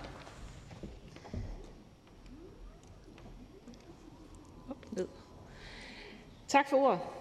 Vi kan hurtigt blive enige om, at det mildest talt ikke er særlig heldigt, at man i statsministeriet havde slettet sms'er, som skulle indgå i den kommission, som skulle kortlægge hele det her forløb omkring nedlæggelsen af minkerhvervet. Heldigvis er der så nu et arbejde i gang, som skal genetablere de sms'er, og det håber jeg naturligvis kommer til at ske. Det er klart, at vi i SF kun har én interesse, og det er, at det her forløb bliver kortlagt. Derfor var det også godt, at statsministeren stod frem og besvarede spørgsmål i sidste uge, for jeg synes, at spekulationerne havde fået øh, frit løb alt for længe. Men jeg synes egentlig også, at det betyder, at den her debat er en lille smule på bagkant. For en del af det, øh, som øh, det konservative Folkeparti ville med den her debat, er jo i gang med at ske. Politiet er i gang med at forsøge at reetablere sms'erne. Så er der et spørgsmål tilbage, som jeg ikke rigtig har hørt andre sige noget om i debatten i dag, nemlig det her: Skal vi indhente loggede oplysninger? Det handler forespørgselsdebatten jo også om. Men øh, så vidt jeg kan konstatere, er det ikke længere en del af vedtagelsesteksten, så måske er der nogen, der kan forklare mig, øh, om man har fortrudt, at man gik i gang med den del. Til det her spørgsmål omkring logning, så er der vel ikke så meget andet at sige til det, end at kommissionen jo kan bede om at få udleveret det materiale, den vil. Den har allerede bedt om teleoplysninger. Så skal jeg spare tilhørende for at sige, at vi jo eller i hvert fald fortælle meget om, at vi i SF generelt synes, vi logger alt for meget i Danmark. Vi er faktisk slet ikke tilfredse med det øh, forslag, som Justitsministeriet nødtvunget lægger frem, og alene fordi, at der er en dom, der tvinger os til det. Men i den her debat, så kan jeg være oprigtig i tvivl om, hvad det vil tilføre af oplysninger. Vi kan jo ganske vist se, Øh, hvis vi får materialet, hvordan forskellige telefoner i statsministeriet har været i kontakt med hinanden omkring tidspunktet for Mink-sagen. Men det vil ikke være muligt at se indholdet, for det gemmes jo trods alt ikke. Og det er vel indholdet, som er det allermest interessante, og som kan bringe os nærmere en forklaring på forløbet, og det er vel derfor, at, at vi jo også har den her debat i dag. Så jeg tror egentlig, at SF's svar til den problemstilling er, at hvis kommissionen gerne vil have logget oplysninger, så skal den indhente det. Og det vil vi i SF ikke blande os i, fordi det vil være kommissionen, der bedst ved, hvad det er for et materiale, der vil være hjælpsomt. Hvis den vil have det, så skal vi give den det. Det skal regeringen øh, jo medvirke til. Men til, til afslutning, afslutningsvis så vil jeg sige klart, at jeg synes, at den her sag den understreger, at vi har et kæmpe problem med regler for sms'er og andre digitale kommunikationsmidler. For der har åbenbart ikke eksisteret retningslinjer for sms'er, enten offentlighedens regler om journalisering. Og der kan man jo så forstå på Søren Pind, som i øvrigt også har slettet sms'er, og det er meget heldigt, at øh, der ikke var en kommission, der så skulle bruge dem. Men da han var justitsminister for Venstre, at der var ikke nogen ministre, ifølge ham, øh, som journaliserede det. Og det siger sig selv, at det ikke er i orden. Selvfølgelig skal der journaliseres, hvis der er noget, der skal journaliseres. Og derfor vil SF ikke have, at vi kommer til at stå i den her situation igen. Der skal være regler ikke bare for sms'er, men for alle digitale kommunikationsmidler, messenger, hvad man nu ellers skal finde på. Og de bør selvfølgelig gemmes lige så lang tid, som der er lagt op til for e-mails, nemlig 25 år. Og så har vi brug for at ændre offentlighedsloven, så vi får mere gennemsigtighed og åbenhed end i dag. Og det bekymrer mig med meldingerne fra Venstre, at der måske ikke er så stor villighed til øh, at ændre offentlighedsloven. Og det er et meget, meget stort ansvar, vi ligger på Venstres skulder i den her debat, for det vil være Venstre, der er nøglen til, øh, at vi kan forandre øh, offentlighedsloven. Det handler om ministerbetjeningsreglen, folketingspolitikerreglen, generalklausulen og notatpligten. Jeg bliver nok nødt til at læse vedtagelsesteksten op. Det har man, ja. Øh, og det øh, er en vedtagelsestekst, som jeg fremfører på vegne af SF, Radikale Venstre og Enhedslisten, og den lyder sådan her. Folketinget finder, der er brug for retningslinjer for opbevaring af digitale kommunikationsformer, og at Folketinget bør inddrages i udarbejdelsen deraf. Folketinget finder, at der er behov for en ny offentlighedslov. Folketinget finder, det er afgørende vigtighed, at regeringen bistår kommissionen og udleverer materiale, som Granskningskommissionen efterspørger. Tak for det. Det vil indgå i den videre debat. og så kommer jeg med en serviceoplysning. Klokken er 14.34. Øh, der er fem, måske seks ordfører og ministeren tilbage. Øh, så det er det, vi har at disponere i forhold til. Øh, vi slutter lige omkring kl. 15 af hensyn til den videre planlægning i Folketinget, og det er jo afsat to timer. Vi går videre i ordførerrækken. Fru Samia Navar, Radikale Venstre. Tak, formand. Åbenhed avler tillid, lukkethed det stik modsatte. Og det gælder jo egentlig i rigtig mange af livets aspekter, men som folkevalgte der har vi en særlig forpligtelse for åbenheden. Vi træffer beslutninger, som har konsekvenser for virkelige mennesker og også vidtrækkende konsekvenser.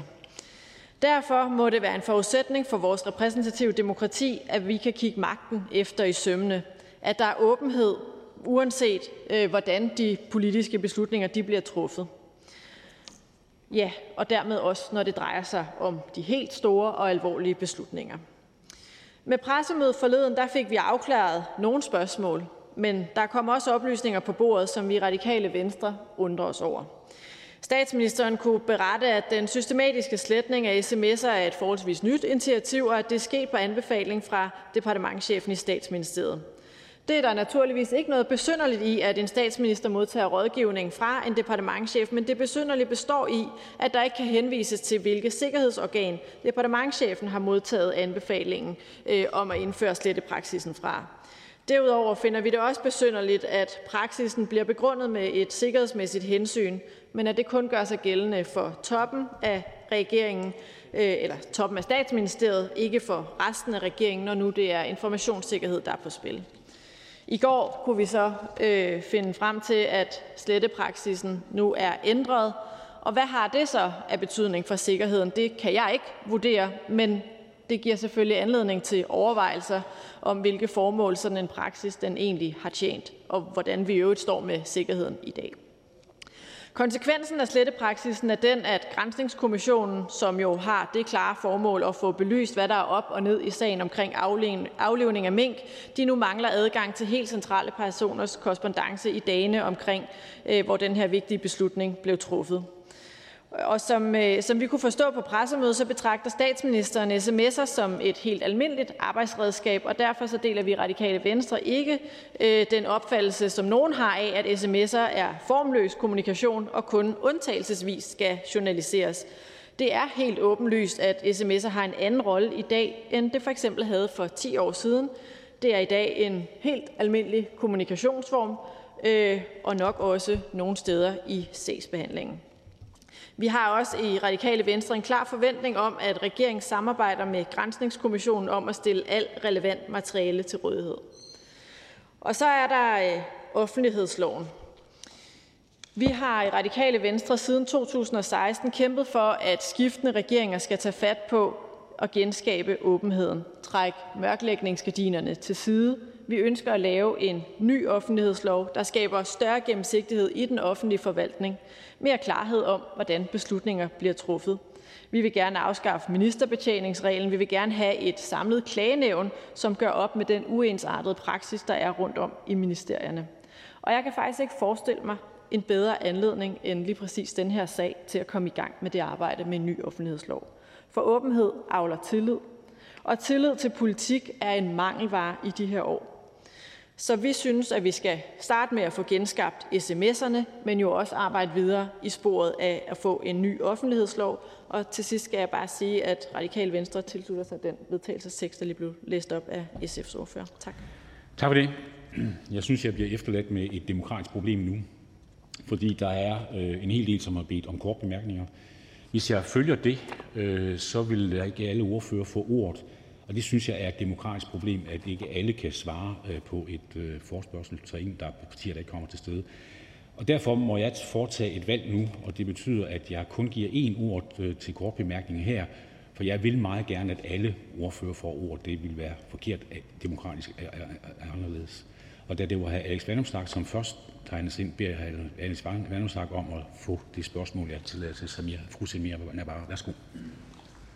Jamen, øh, jeg vil egentlig blot høre ordføreren, hvorfor er det, at man ikke vil støtte Blå Blok i, at øh, alle relevante mink-sms'er skal afleveres til minkkommissionen, og at statsministeren og hendes nærmeste rådgiver ikke skal have mulighed for at sidde og sortere i, hvilke sms'er skulle de blive genskabt, der, der skal sendes videre til, til kommissionen. Jamen, at sms'er skal genskabes, det kan der ikke være nogen tvivl om. Og så er der så øh, armslængdeprincippet i forhold til kommissionen, og det mener jeg faktisk skal honoreres. Alt, hvad kommissionen beder om at få udleveret, det øh, skal udleveres. Og, øh, og det, er sådan set, øh, det er sådan set det, der står øh, for os i Radikale Venstre. Vi mener ikke, at, øh, at vi skal sige, øh, hvad det er, der skal udleveres til kommissionen, fordi vi jo ikke selv er øh, en kommission eller er en del af den kommission. Tak for det. Tak til fru Samira Navar. Og så går vi videre til hr. Peter Velblund, Enhedslisten. Tak for det, formand. I Enhedslisten er vi selv sagt optaget af at komme til bunds i den her sag omkring aflivning af mink øh, og den manglende lovhjemmel, og selvfølgelig spørgsmål om, hvem der vidste hvad hvornår. Det er ikke, fordi vi ligesom højrefløjen er uenige i den beslutning. Tværtimod så mener vi, det var en rigtig og en klog beslutning, fordi det sikrede øh, folkesundheden midt i en farlig og alvorlig epidemi. Nej, vi er optaget af det, fordi vi går op i, at der er fuld gennemsigtighed om, hvordan magten fungerer i Danmark, og at vi naturligvis skal stole på de oplysninger, vi får fra regeringen. Her er der ikke nogen slinger i valsen. Vi behandler røde og blå lige. Vi går op i sagens substans. Det var derfor, da der blev nedsat en instrukskommission til at undersøge sagen omkring fru Inger Støjberg, øh, der har vi ikke blandet os i Instrukskommissionens arbejde. Vi har afventet Instrukskommissionens konklusioner, vi har afventet de uvildige advokaters redegørelse og først der taget stilling til, hvorvidt der skulle rejses en sag. Vi har holdt armslængden i forhold til Instrukskommissionen. Det er præcis det samme, der gør sig gældende i forhold til Grænsningskommissionen. Vi blander os ikke i Grænsningskommissionens arbejde. Vi bistår den i øh, at sikre, at den får de optimale arbejdsbetingelser, men det er ikke vores opgave at gå ud og drage konklusioner endnu. Det gør vi, når Grænsningskommissionen den konkluderer hen i slutningen af april måned. Og det står jo i skærende kontrast til højrefløjen, hvor mange på højrefløjen allerede havde frikendt øh, Inger Støjberg på forhånd, uanset hvad Instrukskommissionen måtte komme frem til. Og mange af de samme har allerede på forhånd kendt fru Mette Frederiksen, øh, statsministeren og regeringen skyldig, uanset hvad kommissionen kommer frem til. Flere forsøger endda med dygtigt spinhåndværk at tegne et billede af statsministeren som en hårdkogt forbryder. Det er så den samme højrefløj, som nedlagde den Irak-kommission, som skulle undersøge øh, det lovgrundlag, der var for at gå i krig i Irak. Øh, og det er altså lidt svært dermed at se, at der ikke bliver opereret med dobbelte standarder. Hvordan sikrer vi så, at sagens substans kommer frem i lyset? Ja, i enhedslistens øjne, der skal vi gøre noget på kort, og både på kort og på lang sigt. Først og fremmest så er det afgørende, at kommissionen får mulighed for at arbejde, og at regeringen fremskaffer de dokumenter, oplysninger og kilder, som kommissionen beder om. Det har regeringen forsikret ved flere lejligheder, at den vil gøre. Men vi tager selvfølgelig ikke kun deres ord for det. Vi kommer til at holde, holde dem op på det hele vejen igennem. Hvis kommissionen på noget som helst tidspunkt henvender sig til os og siger, at regeringen ikke samarbejder eller ikke leverer de oplysninger, de beder om, så kommer vi til at bistå kommissionen med alle tænkelige midler. Derudover, derudover så viser sagen, at vi mangler en klar procedure for journalisering af sms'er, og også hvordan man gemmer sms'er, og det skal selvfølgelig være en teknologineutral øh, hvad hedder det, øh, funktion, øh, men at man, man får sikret øh, elektronisk kommunikation, øh, der vedrører en sag, så man også efterfølgende kan efterprøve vurderingen af, om øh, en besked er journaliseringspligtig eller ej. Det skal udarbejdes nu, og det er en bunden opgave. Men vi skal også gøre noget på lang sigt. Vi skal tage demokratiet alvorligt nok til at sikre langt mere åbenhed i vores forvaltning, og vi skal lære af de her sager, overveje, om vi kan gøre det bedre, og det er jeg ret overbevist om, at vi kan. Offentlighedsloven giver demokratiet spændetrøje på, forhindrer offentligheden, borgere og journalister i at have adgang til, hvordan magten fungerer. Det slår skår i tilliden til det, til det demokratiske arbejde, især når der er større sager. Uanset hvad kommissionen kommer frem til, så fører sager som denne her til mere tvivl. Tvivl til os herinde, tvivl til politikere og til regeringer. Den tvivl kan vi kun modvirke og komme til livs, hvis vi har mod til at tage de nødvendige skridt for at rulle de gardiner fra, som offentligheden, offentlighedsloven har trukket for demokratiets vinduer, så der er bedre indsigt i magtens arbejde. Også når det er svært. Tak for det. En lille kort mærke til hr. Jeg ville have stillet det her spørgsmål til alle i øh, støttepartierne, men øh, på grund af, at der er kort tid, så stiller jeg det her. Øhm, I Grænsningskommissionen, der for kort tid siden var der møde, og Blå Blok ville gerne have, at timing omkring sletning af en sms'er, de kom med i kommissoriet, kom med i arbejdet. Det blokerede støttepartierne for. Set i lyset af alt det, der er kommet frem efterfølgende, er det så en beslutning, som øh, ordføreren, ordførens parti øh, fortryder? Ordfører? Nej, det er det ikke. Jeg synes, det er fuldstændig centralt, at når vi har nedsat en øh, grænsningskommission og givet den et kommissorie, så får den mulighed for at, at arbejde inden for det kommissorie. Og hvis grænsningskommissionen så har et ønske om, øh, at der er kommet oplysninger, som man gerne vil efterspørge, og det giver behov for, for, for yderligere, øh, ja, så skal vi naturligvis bistå den. Men vi skal ikke politisk begynde at blande os løbende i, i, i, i løbet af processen i forhold til, hvordan den her grænsningskommission arbejder. De interessante spørgsmål, der bliver rejst her, dem har vi jo mulighed for at efterforske parlamentarisk. Hvis det så viser sig, at vi ikke kan få oplysningerne der, ja, så har vi muligheden for at lave advokatundersøgelser, grænsningskommissioner, whatever. Og de muligheder skal vi selvfølgelig udnytte, men vi skal give, den grænsningskommission, vi har nedsat, muligheden for at udfylde sin opgave, nemlig at kunne afdække det her forløb, også inden for den tidsfrist, vi har givet. Og den eneste grund til, at vi udvidede kommissoriet i øvrigt, det var fordi, det var med baggrund i, at der var en advokatundersøgelse, som påpegede i samarbejde med Grænsningskommissionen, at der var et behov for at udvide kommissoriet. Så gør vi det naturligvis, men vi blander os ikke politisk. Men det er jo netop øh, politikernes opgave at lave et kommissorie, at, at udarbejde det. Det er der vel ikke noget galt i. Det mener jeg er forkert, hvis man, for, hvis man ser det som at blande sig i arbejdet. Der kommer en masse ting frem, efter man har nedsat kommissoriet omkring de her sms'er, jamen så er det da absolut relevant at have dem med. Og derfor kan Fri ikke forstå, hvorfor støttepartierne går ind og blokerer for, at det også skal være en del. Altså, vi har en hasteforspørgsel omkring det i dag, så det må være afgørende. Så får vi et svar. Værsgo, Peter Velblom. Jamen, det er helt centralt, at uh, Grænsningskommissionen netop får muligheden for at udføre, udføre det, det kommissorium, vi har bedt den om. Hvis der kommer andre ting, jamen, så har vi muligheden for at efterforske det parlamentarisk. Hvis det ikke er tilstrækkeligt, så har vi muligheden for at lave øh, advokatundersøgelser, grænsningskommissioner, hvad der nu måtte være nødvendigt.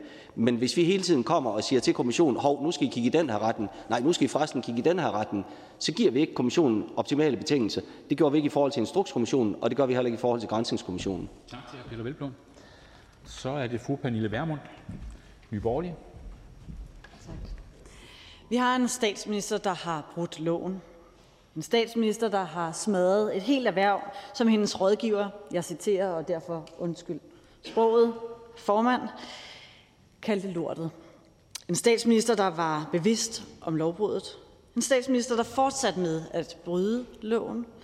En statsminister, der ikke udleverede beviserne, da det blev krævet. En statsminister, der automatisk slettede sms'er, også selvom man fik besked på ikke at gøre det. Det er vildt, og ikke en statsminister værdig. Men jeg forstår, at statsministeren mener, at det er en storm i et glas vand. At oppositionen blot forsøger at køre en stemning op, mens statsministeren er optaget af at redde liv. Men når man sletter sms'er, så er det for at slette sine spor. Så er det, fordi man har noget, man har behov for at skjule. Vi kan ikke få svar på, hvad det var, statsministeren ville skjule. Vi kan heller ikke få svar på, om statsministeren overhovedet journaliserer, og i så fald, hvordan. Vi kan heller ikke få svar på, hvorfor statsministeren i tide og utide udskifter telefonen, og hvor de bliver af. Vi ved blot, at det var departementchef Barbara Bertelsen, der virker meget privat med statsministeren og åbenbart også er selvudnævnt IT-ekspert, der rådgav statsministeren til sms-sletningen. Hvornår den rådgivning, rådgivning fandt sted, det tør statsministeren ikke sige, men man formoder, det var om sommeren. Jeg tør godt sige, at det sejler lidt i statsministeriet. Statsministeren forsøger sig med, at sletningen blev anbefalet og udført af sikkerhedsmæssige hensyn. Men der er ikke én med forstand på sikkerhed, der bakker op om den påstand. Og ingen af de øvrige ministre, der sidder i regeringens sikkerhedsudvalg, sletter deres sms'er. Jeg må bare sige, at det giver ikke mening at slette noget, hvis ikke man har noget at skjule. Der er ingen logik i de forklaringer, statsministeren og andre af regeringens ministre kommer med. Så det må vi vel leve med, som man siger i statsministeriet. Og nej, det må vi ikke leve med. Danskerne har krav på at vide, hvad der er op og ned i den her demokratiske skandale. Statsministeren skal ikke slippe afsted med at give andre skylden for manglende lovhjemmel og sms'er, der belejligt er forsvundet. Jeg ser frem til Granskningskommissionens fortsatte arbejde og endelige konklusioner. Jeg håber, at alt kommer frem i lyset, så danskerne får fuld vidshed om, hvad vi er vidne til.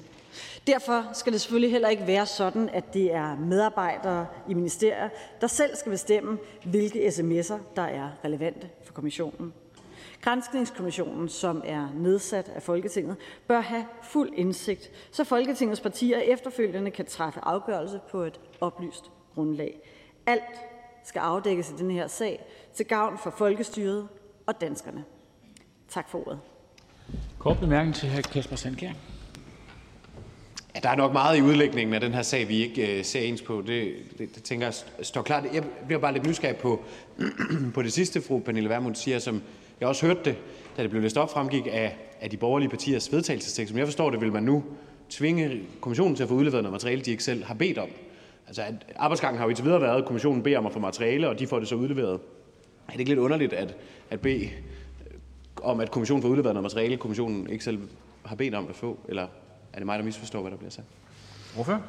Jeg synes, det er helt naturligt, at når vi i Folketinget forsøger at afdække en sag som denne her, og dermed nedsætter en kommission, nedsætter en grænsningskommission, og vi så undervejs finder ud af, at det, som kommissionen har bedt om, nemlig at man fremsender sms'er, de skriver så, de kan ikke sige, hvilket omfang de får brug for det, og at man stopper sletning af dokumenter, beskeder og så videre, jamen så er det da yderst relevant, når man ikke stopper sletningen, og når man ikke udleverer det materiale, at vi så udvider det her kommissorie og så siger, det er da klart, at enhver sms skal med.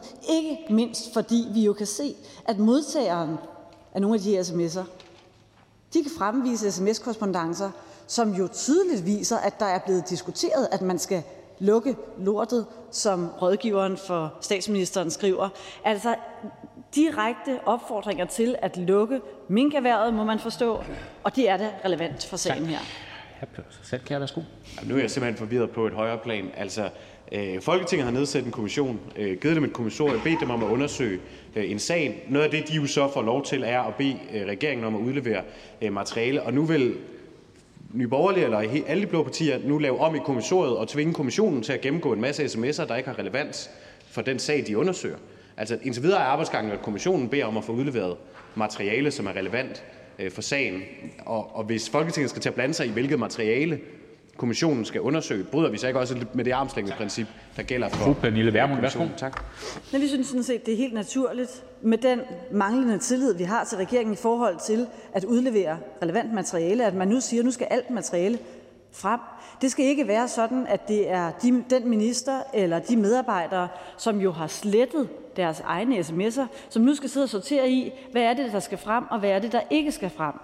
Når vi læser beskeder om, at Barbara Bertelsen har sendt beskeder til Fødevareministeriet, som i den grad har med det her at gøre. Vi kan se, at tak. det ikke er beskeder, der er journaliseret. Så bør det vække mistanke selv hos en socialdemokrat. Tak for det. Tak til fru Pernille Vermund. Og så er det her Alex Vanopslagh, Liberal Alliance. Tak for det.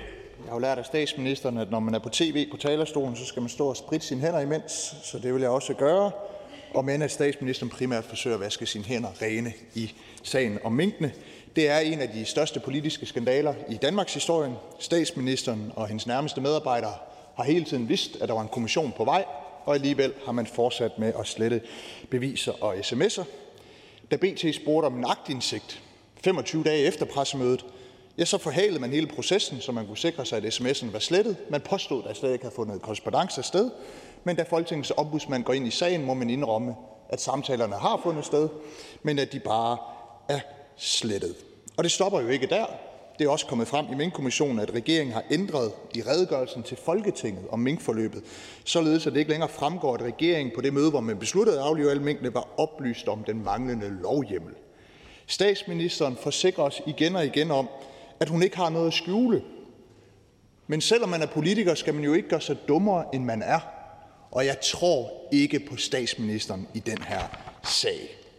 I går havde vi spørgetime, hvor statsministeren nægtede at svare på mit spørgsmål om, hvorvidt hun vidste, at en nedlukning af minkerværet ville være ulovligt. Det stod klart og tydeligt i bilagene og papirerne til det møde, hvor man besluttede sig for at aflive alle minkene, at det ville være ulovligt med en nedlukning. Og regeringen forsvarer sig med, at det var jo slet ikke det, man besluttede. Man besluttede at aflive alle mink. Jamen altså, hvor herre til hest. Og så vil man ikke svare på, om man vidste, at det nedlukning, altså det, man angiveligt ikke besluttede, at, at man vidste, om det var ulovligt. Og det efterlader jo tre muligheder. Enten så har man aflivet alle minkene uden at læse beslutningsgrundlaget. Det synes jeg er stærkt bekymrende, at man tager så store og vidtgående beslutninger uden at sætte sig ind i beslutningsgrundlaget. Eller også har man vidst, at en nedlukning af erhvervet var ulovlig. Og så har man enten ikke kunne lægge to og to sammen og regne ud, at en aflivning også ville være ulovlig, eller også har man bevidst valgt en papirløs model for at dække over et bevidst lovbrud. Eller en tredje mulighed er bare, at man bare har fundet på den her skælden for at kunne forsvare sig. Jeg ved ikke, hvad sandheden er. Jeg ved det ikke. Det er en af de tre muligheder. Det kan jo ikke være andet. Og den eneste måde, vi kan finde ud af det på, det er ved at få alt frem i den her sag, og derfor er det relevant at få alle sms'er frem. Og der har jeg ikke særlig meget tillid til, at de personer, der har slettet sms'er, også skal være med til at sortere i eventuelt genskabte sms'er, sortere i hvilke, der skal gå videre til, til, til kommissionen. Det synes jeg er meget, meget uhensigtsmæssigt, og jeg er måske særligt uforstående over for, at støttepartierne til regeringen ikke vil være med til at sikre, at alle sms'er, der er relevante, kommer til Minkkommissionen, at man ikke vil være med til at sikre, at Minkkommissionen undersøger, hvornår er det egentlig helt præcis, man er begyndt at slette sms'er. For støttepartierne, og det har jeg stor respekt for, vi har jo en fælles sag ofte, når vi står på retsstatens side og på retssikkerhedens, retssikkerhedens side. I vil altid forsvare borgernes retssikkerhed, især når det kommer til barnebrud og kriminelle indvandrere, der ikke skal sendes ud af landet. Men så snart det kommer til en regering, der forsøger at slette sin spor, ja, så synes jeg, I er fodslæbende. Og jeg må bare sige, at jeg tror, at historien vil komme til at dømme jer hårdt, hvis I stiller jer på den forkerte side af historien. Det var ordene. Kort bemærkning til hr. Kasper Sandkær. I virkeligheden at gå lidt ned ad det spor, øh, som jeg også talte med fru Pernille Vermund om. Altså, øh, øh, jeg, jeg forstår det simpelthen ikke. Altså, øh, det er nu de borgerlige partiers ønske at udlevere materiale til Grænsningskommissionen, som de ikke har bedt om at få udleveret. Er det sådan, det skal forstås? Fordi det er jo ellers sådan, at en kommission jo beder om at få udleveret relevant materiale, der belyser en sag fra den ene og den anden side, og så arbejder kommissionen så med det, men det er jo på kommissionens anmodning og foregår i en dialog med myndighederne, men nu skal kommissionen så pålægges at gå en masse materiale igennem, de ikke selv ønsker, og som de ikke finder relevant for det, som er deres undersøgelse, eller hvordan skal det her krav forstås? En krav skal forstås sådan, at Minkkommissionens ønske om at få udleveret alle sms'er med relevans for Mink-sagen bliver opfyldt og der er en risiko for, at de ikke bliver opfyldt, hvis det er sådan, at det er Mette statsministeren og hendes nærmeste rådgiver, der skal sidde og bestemme, hov, den her sag, ja, den, den her sms sender vi, fordi så føler de, de har fået noget, og der er tog, kronen, øh, tog, tonen grov. Den her, den er simpelthen for inkriminerende, den fjerner vi lige. Altså, så, så det er jo bare, at vi skal finde en måde, hvorpå at det sikres, at det ikke er statsministeren og hendes nærmeste rådgiver, der bestemmer, hvilke sms'er, der ryger videre. At alle relevante mink-sms'er kommer til kommissionen. Jeg kan godt forstå, at der kan være et praktisk spørgsmål. Selvfølgelig skal en eller anden dommer ikke sidde og sige, hov, øh, det Mette Frederiksen fik til aftensmad, det er ikke så relevant.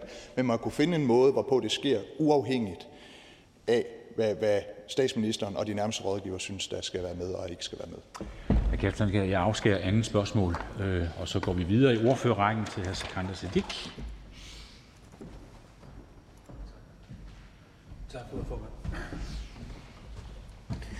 Ja, nu har jeg jo som løsgænger øh, under alle mulige debatter ikke fået ordet, og derfor var jeg utrolig øh, ked af, hvis vi også som øh, Fri Grønne i dag til sige, ikke kunne få lov til at få ordet. Så tak for, at, du, at formanden gav mulighed for det.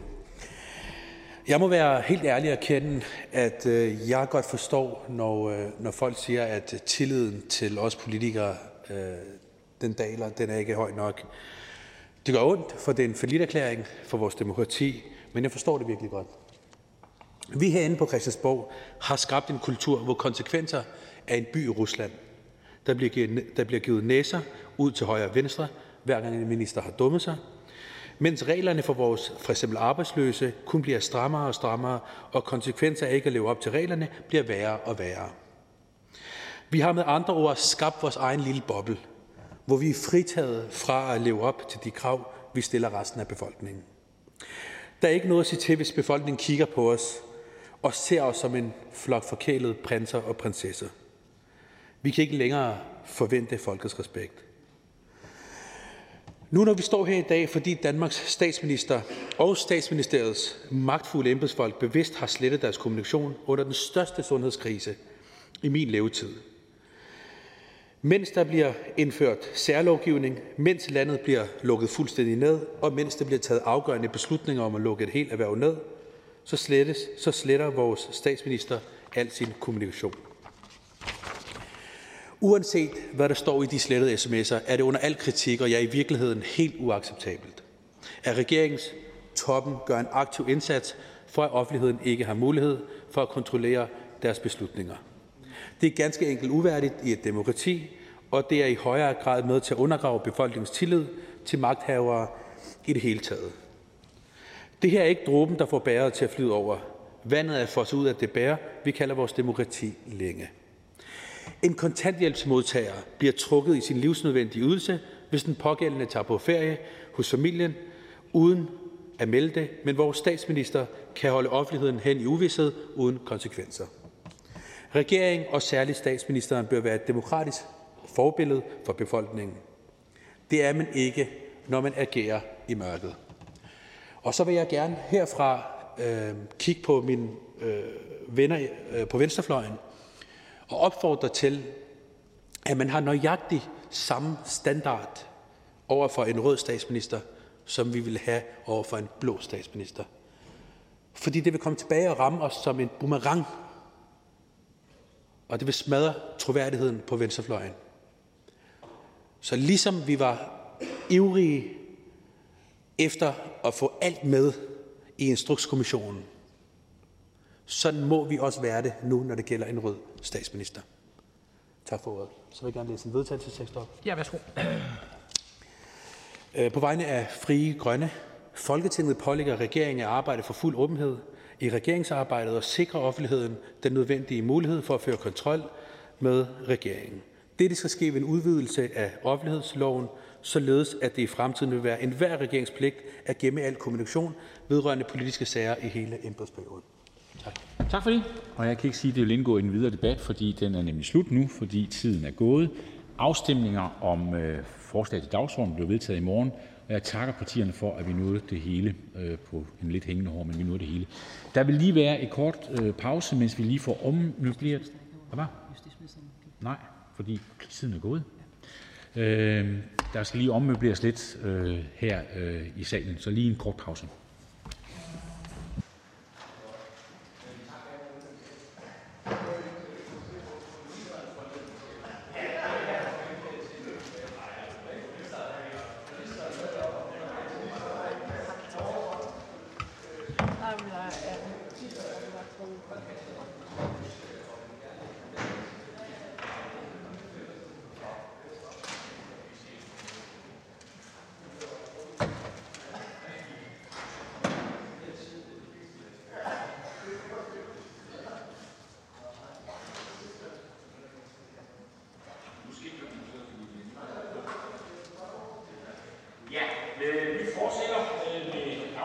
Og nu er det besvarelse af oversendte spørgsmål til minister, altså spørgetid. Øh, og jeg skal lige sikre mig, Malene Ambro Rasmussen så jeg lige før. Øh, er Malene Ambro Rasmussen til stede? Ja, Malene Ambro Rasmussen er.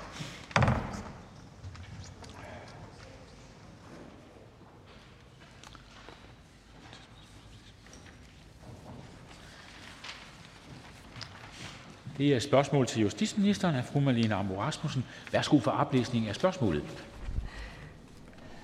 Tak for det, formand. Jeg havde hørt, at formanden annoncerede en pause, så jeg troede, at den var, var lidt længere, end det var tilfældet. Men godt, vi er til stede. Mener ministeren, at man som minister kan frasige sig ansvar for konsekvenserne for en beslutning, hvis man ikke har læst dokumentet? Tak, formand.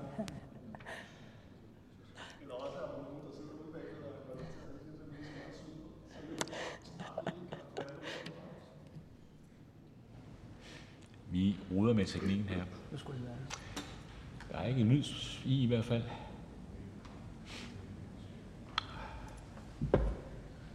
Kan det hjælpe med at flytte ministeren? Prøv at tage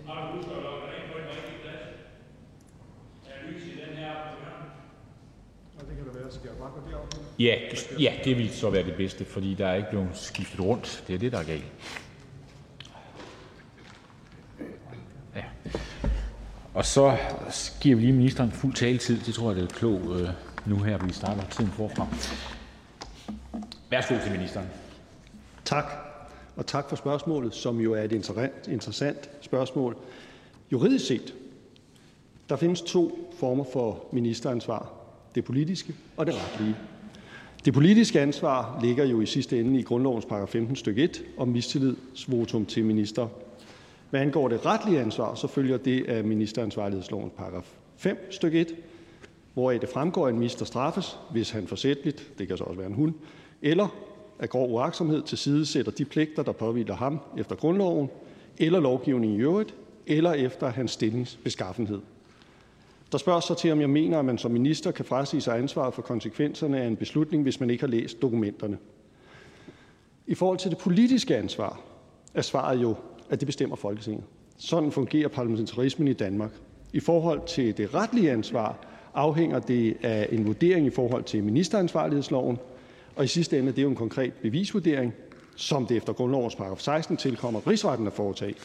Men som nævnt forudsætter et øh, retligt ministeransvar under alle omstændigheder, at ministeren har handlet forsætligt eller groft uagtsomt. Det er i den forbindelse blandt andet anført i den statsretlige litteratur, at der ikke i almindelighed vil kunne stilles særlige krav til, at ministeren sætter spørgsmålstegn ved eller opsøger nærmere faktuelle oplysninger og eller juridisk viden. Der vil navnlig ikke kunne stilles sådan krav i tilfælde, hvor der fra embedsværkets side er givet en redegørelse, der ikke bringer problemstillingerne frem i lyset. Tak for ordet. Værsgo, Marlene. Tak, og tak til ministeren for besvarelsen. Altså, det er jo meget fint, at ministeren læser op for ministeransvarsloven. Øh, nu spurgte jeg sådan set ministeren, for jeg godt kunne tænke mig at høre, hvad ministeren sådan helt personligt selv mener, at en minister skal stå til ansvar for. Og hvis man som minister ikke har læst bilag af så relevant og alvorlig karakter, som man må sige, det her var tilfældet, øh, så synes jeg måske, at ministeren har et problem, der er større end som så. Altså, at tage en beslutning om at lukke et helt erhverv, og så bagefter forholde, at nægte simpelthen at forholde sig til det, det synes jeg er stærkt, stærkt kritisabelt. Og jeg kunne godt tænke mig, i virkeligheden er mit spørgsmål meget, meget simpelt. Det behøver i virkeligheden ikke at være noget, der skal øh, læses op, rises op fra en eller anden lovgivning. Jeg vil bare gerne have, at ministeren helt nøgternt svarer, egentlig bare ja eller nej. Står man som minister ikke til ansvar for bilag, man har godkendt, selvom man ikke har læst dem? Minister. Ja, det er jo det trick, der står på side 1 i den politiske grundbog. Prøv at tvinge nogen til at svare ja eller nej på et spørgsmål, som der ikke kan svares ja eller nej på. Altså, øh, og så nemt er det jo ikke. Altså, øh, og så bliver det ovenikøbet koblet til, at der bliver spurgt ind til et forhold, som er under undersøgelse af øh, Grænsningskommissionen, hvor jeg i hvert fald synes, at jeg som minister ikke skal blande mig i kommissionens arbejde, så længe den udfører sit arbejde. Problemet er, at spørgsmålet er formuleret, og jeg går ud fra, at det er spørgeren selv, der har gjort det, øh, så der spørges til ansvar. Og der er simpelthen kun to former for ansvar. Der er det politiske, eller der er det retlige. Marlene Ambo Rasmussen, værsgo. Jo, tak. Og tak igen for besvarelsen. Altså, nu er det jo sådan, at når man kommer her i salen som spørger, så har man også forventning om, at ministeren svarer på spørgsmål. Det skal ministeren sådan set også gøre. Øh, og jeg giver heller ikke den der øh, diskussion omkring, at man ikke vil svare på noget i henhold til kommissionens arbejde, fordi man har holdt pressemøder og alt muligt andet. Så mit svar er egentlig bare helt simpelt. Står man ikke som minister til ansvar for bilag, man har godkendt, uagtet om man har læst dem eller ej? Det er sådan set et spørgsmål, der kan svares ja eller nej på. Minister. Det er jo det samme spørgsmål igen. Der er to former for ansvar, det politiske og det retlige. Det politiske, det må man jo vurdere fra de partier, der har lyst til at vurdere det, om, øh, om der kan gøres et politisk ansvar gældende. Det sker hele tiden. Det retlige skal vurderes efter de regler, som der er, og det kan man ikke skære ned til at sige, så ser vi stort på for eksempel tilregnelse eller de øvrige betingelser, der skal være opfyldt, for at man kan ifalde ansvar. Spørgsmål, værsgo. Ministeren nævner det selv det her blandt andet et politisk ansvar. Ministeren er den øverste ledende politisk ansvar i det her henseende. Derfor så er det et meget relevant spørgsmål at stille ministeren, og det kan svares meget, meget kort, ja eller nej. Står man som minister ikke til ansvar for bilag, som har bilag uagtet om det har relevans og alvorlig karakter eller ej, men bilag, som man som minister godkender og sender videre ud i systemet, øh, har man som minister ikke et ansvar for, at man har, øh, man har gennemset de dokumenter på forhånd? Minister? Nu ændrede spørgsmålet jo så karakter, da der blev lagt nye præmisser ind i, og det kræver jo en selvstændig anderledes vurdering af, hvordan svaret så skal falde. Tak. Spørgsmålet er slut. Vi fortsætter med spørgsmål til justitsministeren, men nu er det hr. Peter Skaarup, Dansk Folkeparti. Værsgo for oplæsning af spørgsmålet. Jo, tak. Og øh, det første spørgsmål øh, lyder sådan her. Vil ministeren i lyset af, at sms'er også indgik i Instrukskommissionens, Tibetkommissionens og Skattesagskommissionens arbejde, tilkendegive, om det ikke er vildledende og misvisende på pressemødet den 3. november 2021 at fremstille Minkkommissionens anmodning om at modtage sms'er som noget ekstraordinært og nyt. Tak for spørgsmålet, og jeg kan starte med at øh, berolige spørgeren med, at han ikke blev vildledt på sidste uges pressemøde. Minkkommissionen har valgt en fundamental anden tilgang til indhentning af sms'er end tidligere kommissioner. Det, kommissionen har gjort anderledes, er, at den bredt og generelt har valgt at indhente ikke journaliserede sms'er, som kunne være relevant for undersøgelsen. Det har Justitsministeriet redegjort nærmere for i besvarelse af spørgsmål nummer 183 fra Folketingets Retsudvalg, som blev sendt til Folketinget tidligere på ugen. Det betyder ikke, at der aldrig før er indgået sms'er i tidligere kommissionsundersøgelser. SMS'er vil selvfølgelig være indgået i det omfang, de har været journaliseret. Derudover er der for eksempel blevet udleveret sms'er efter konkrete anmodninger fra kommissioner eller fra personer, som selv har rettet henvendelse til kommissionen for at få udleveret dem. Og det ligger jo et godt stykke fra en bred og generel anmodning om at modtage sms'er, der ikke er journaliseret. Så nej, jeg mener ikke, at det er vildledende eller misvisende at fremstille Minkkommissionens anmodning som en ny tilgang i forhold til tidligere kommissionsundersøgelser. Tak for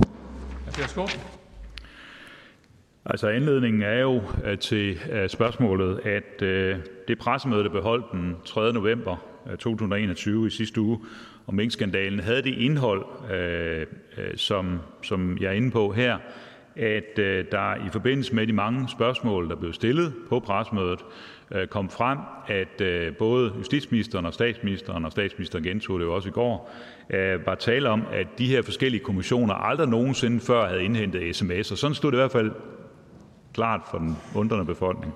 Og jeg tror, hvis herre og fru Jensen, der sad og fulgte det pressemøde, var blevet spurgt om det, justitsministeren siger her i dag, om det var det, der blev udtryk for Øh, på pressemødet, så tror jeg i hvert fald, at, øh, at herre og fru Jensen havde sagt, nej, det var det ikke. Øh, det, der blev givet udtryk for der på pressemødet, det var, at sms'er, det var helt nyt, at Minkkommissionen havde bedt om sms'er. Men når sagen så er, at det faktisk indgik både i Instrukskommissionen, Tibetkommissionen og Skattesagskommissionens arbejde med sms'er, journaliserede sms'er, jamen så er det jo dog lidt mærkeligt, at man lader det fremstå sådan, at det ikke var tilfældet. Og igen gjorde det i går i forbindelse med, at øh, Folketinget behandlede den her sag. Øh, så siger ministeren i øvrigt på pressemødet videre, øh, ud over det her forhold, at Minkkommissionen bredt havde udbedt sig at modtage sms'er. Det sagde ministeren også lige før. Men det er jo faktisk aftalt med Minkkommissionen, at det er op til medarbejderne selv nu at gennemgå deres telefoner, i det omfang det overhovedet kan fremskaffes, med henblik på at finde relevante sms'er. Så jeg, jeg undrer mig egentlig over det, justitsministeren siger i dag. Fordi der siger man, at det er et bredt ønske, men man har aftalt med Minkkommissionen, at det ikke er et bredt ønske, men at det er specifikt i forhold til nogle enkelte sms'er, som man gerne vil have fat på, nemlig de sms'er, som medarbejderen selv tilvejebringer og siger, den her bør Minkkommissionen se. Så altså, der er noget selvmodsigende, og der er for borgeren øh, tale om, at man misvisende fortæller, hvad der er op og ned i den her sag. Minister, værsgo. Nej, det, det er der ikke. Og det, som der ligger i, at det er bredt og generelt, er, at man spørger ud til en bredere kreds af personer. Det er så rigtigt, at fordi man gør det på den måde, så må man konstatere, Der vil være tale om utrolig meget materiale. Og så spørger man kommissionen i en længere dialog, hvordan skal det foregå, og ender på den model, som kommissionen også ser god for, nemlig at dem, som har sms'erne, gennemgår dem, sender dem, der er relevant til kommissionen. Hvis kommissionen ikke er tryg ved det, så kan den kontrollere alle sms'erne, men det er sådan set aftalt i overensstemmelse med kommissionen. Værsgo, værsgo.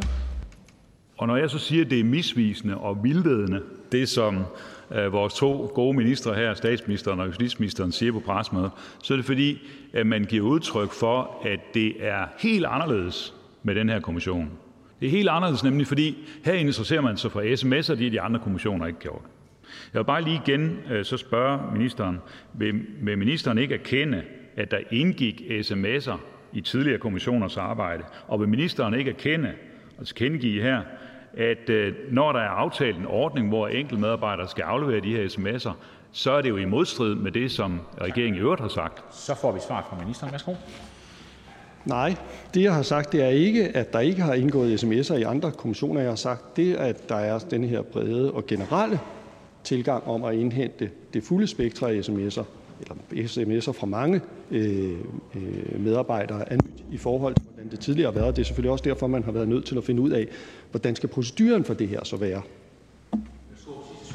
Ja, så, så vil jeg godt spørge, altså, kan vi så få et svar på, hvordan det overhovedet giver mening, at man beder nogle medarbejdere om at udlevere nogle sms'er, som de allerede i dag har vurderet ikke skulle journaliseres, altså ikke var relevante for beslutningstagningen omkring de her ting. Jeg må indrømme, det, det er på mig øh, fuldstændig øh, grotesk at sammenstille det på den måde, fordi øh, medarbejdere, der allerede har vurderet, at den her sms den skal ikke videre, de skal nu sættes til at vurdere, om den her sms nu skal videre. Kan ministeren ikke godt se, at der er et eller andet skævt her? Minister, Det er vel også en af grundene til, at det kom lidt overraskende, at kommissionen på denne her måde bredt og generelt bedte om at få alle, øh, alle sms'er, eller for sms'er for så bred en kreds af medarbejdere, eller relevante øh, sms'er for så bred en kreds af medarbejdere. Spørgsmålet er slut, men øh, vi fortsætter med både minister og spørger, så værsgo at skå for oplæsning af næste spørgsmål. Ja, det næste spørgsmål lyder sådan her. Vil ministeren tilkendegive, om det efter ministerens opfattelse er hensigtsmæssigt, at man i Justitsministeriet og Statsministeriet fortsætter eller påbegynder en praksis med automatisk sletning af nøglepersoners sms'er efter nedsættelsen af den uvildige udredningsgruppe som, øh, om håndtering af covid-19 i Danmark? Minister.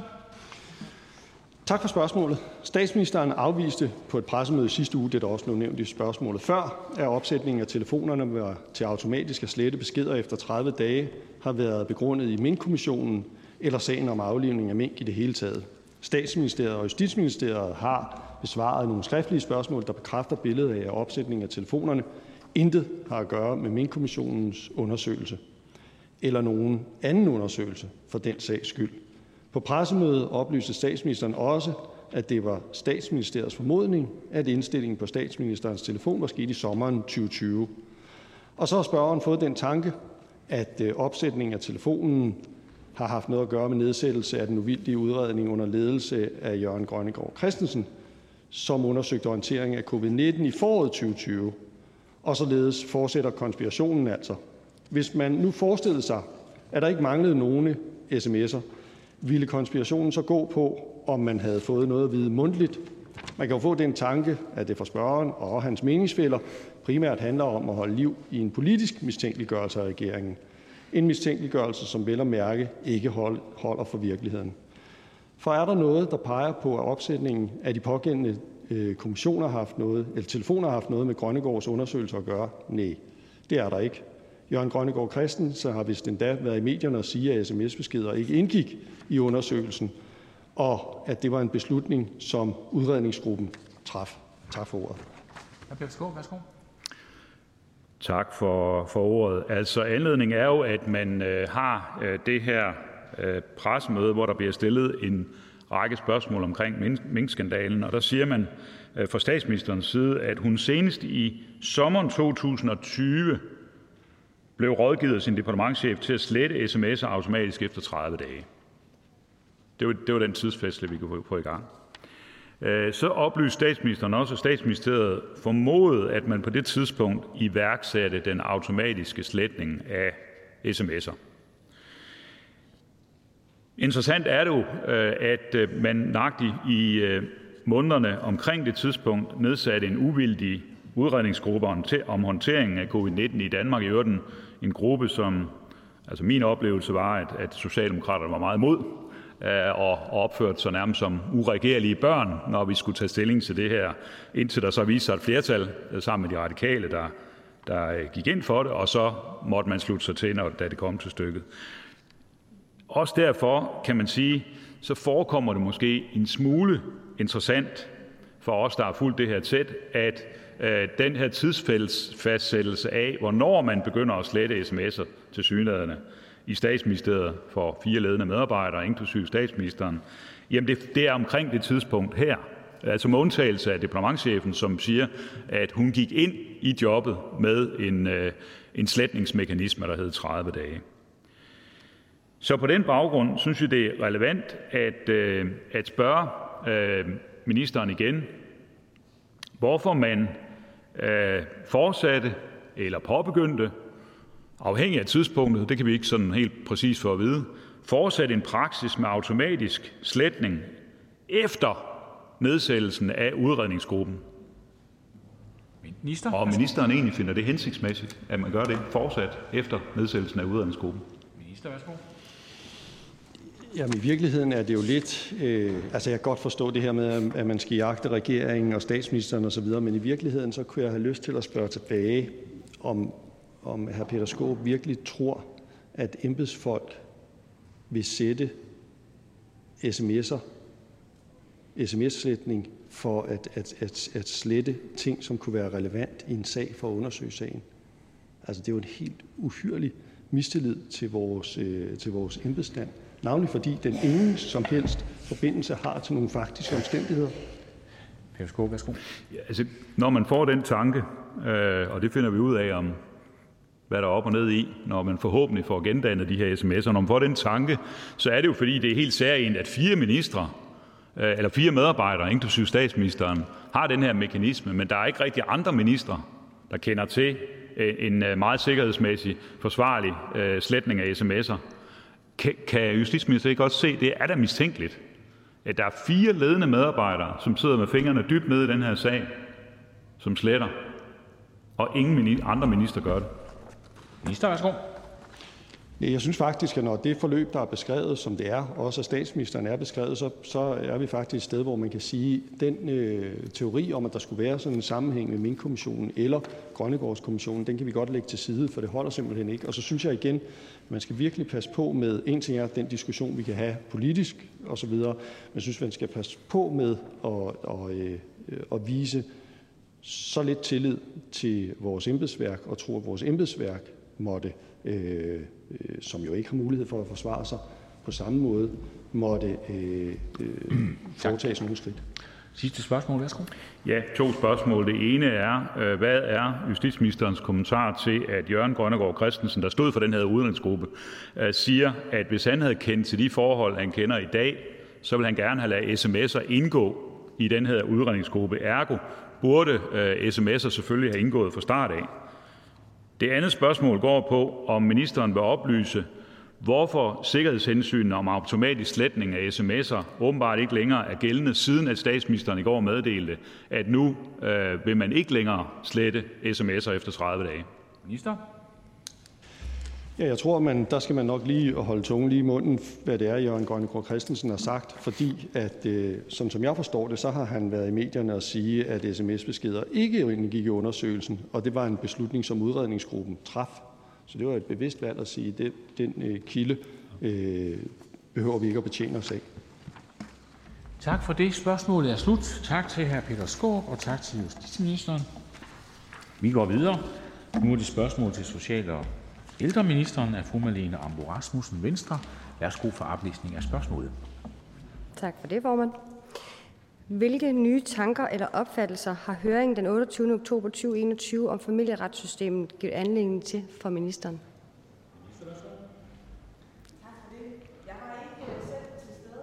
Ved øh, høring, men jeg har fået de forskellige oplæg og debatten refereret. Formålet med øh, høringen var, og jeg citerer, at belyse problemerne i det familieretlige system, så politikerne får et kvalificeret indblik i, hvordan systemet fungerer, samt viden om de retssikkerhedsmæssige konsekvenser, det kan have for en forælder, når denne mister kontakten til sine børn. Jeg er helt enig i, at det er godt, at vi som politikere får et kvalificeret indblik i, hvordan den familieretlige reform fungerer i praksis. Derfor inviterede jeg også udvalget på et besøg i familieretshuset i september, hvor nogle af de medarbejdere, der behandler sagerne, fortalte, hvordan der helt konkret arbejdes, blandt andet med de meget konfliktfyldte sager, som fylder mest i debatten. Og jeg har i forlængelse af flere samråd sendt udvalget forskellige materialer om reformen og om, hvordan systemet imødegår samarbejdschikane.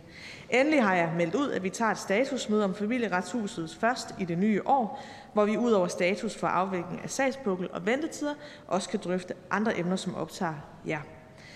Det er jo ofte set, at der i kølvandet på en stor reform som denne kan være behov for at justere og tilpasse visse ting. Derfor lytter jeg gerne og tager imod forslag og input.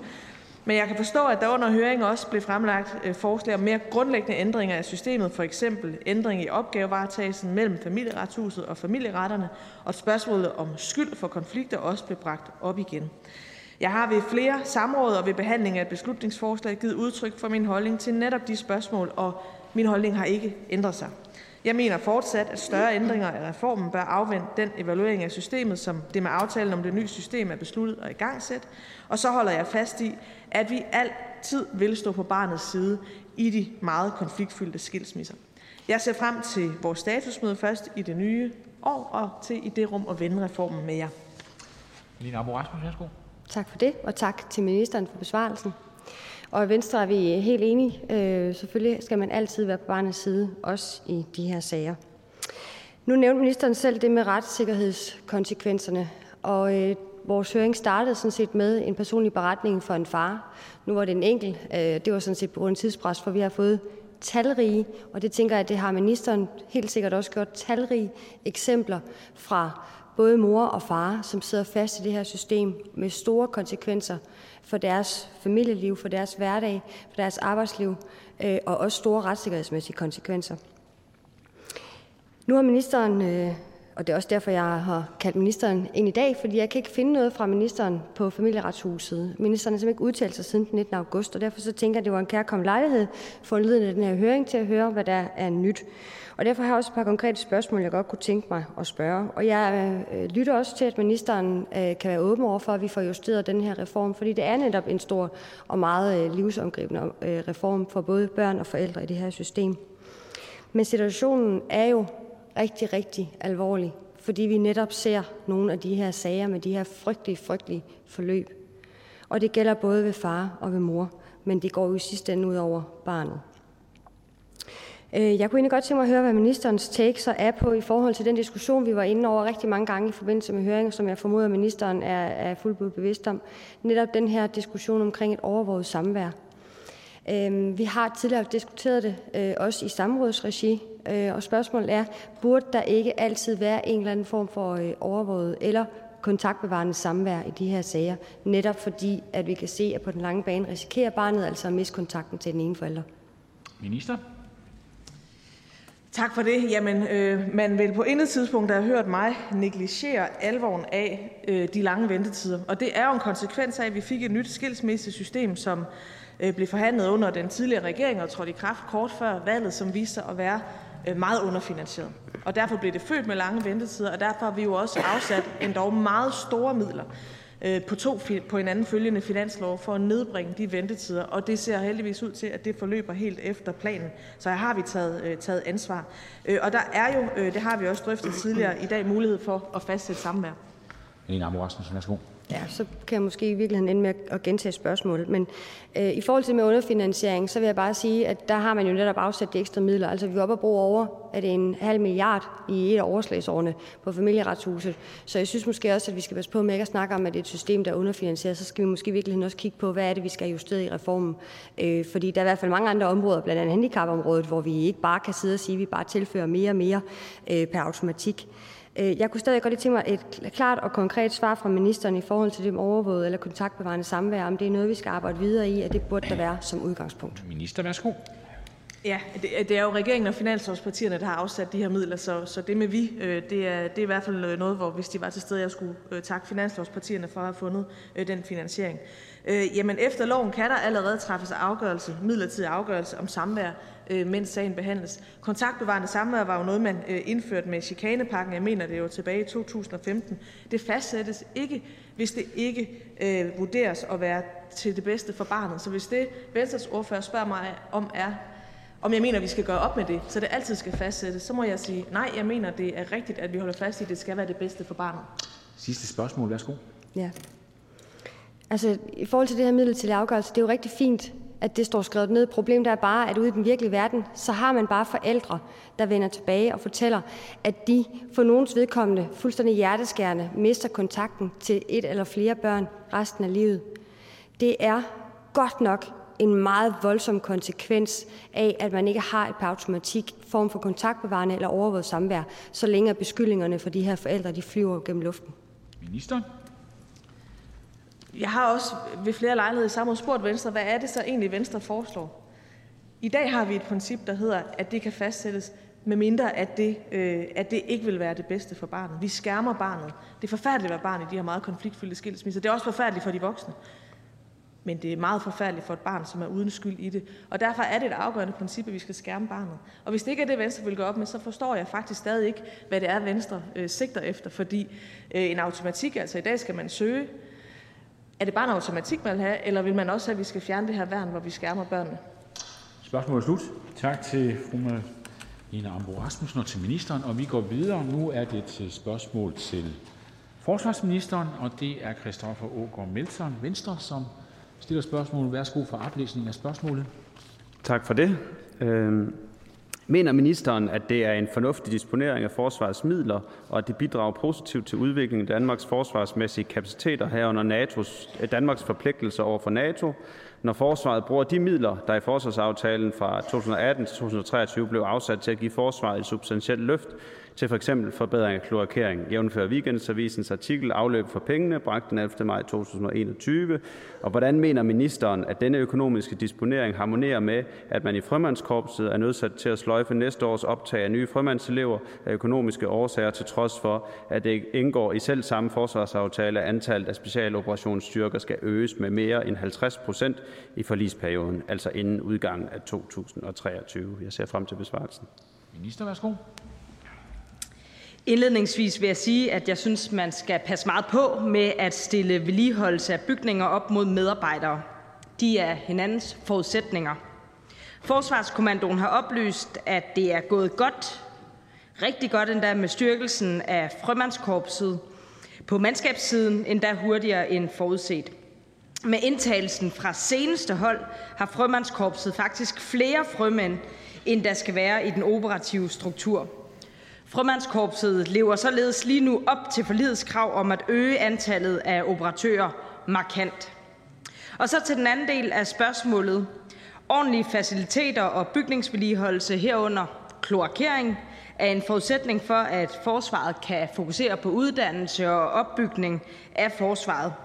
Uforudsete udgifter til kloakering og anden kritisk bygningsvedligehold, det er sjældent noget, der bør udskydes. Tak.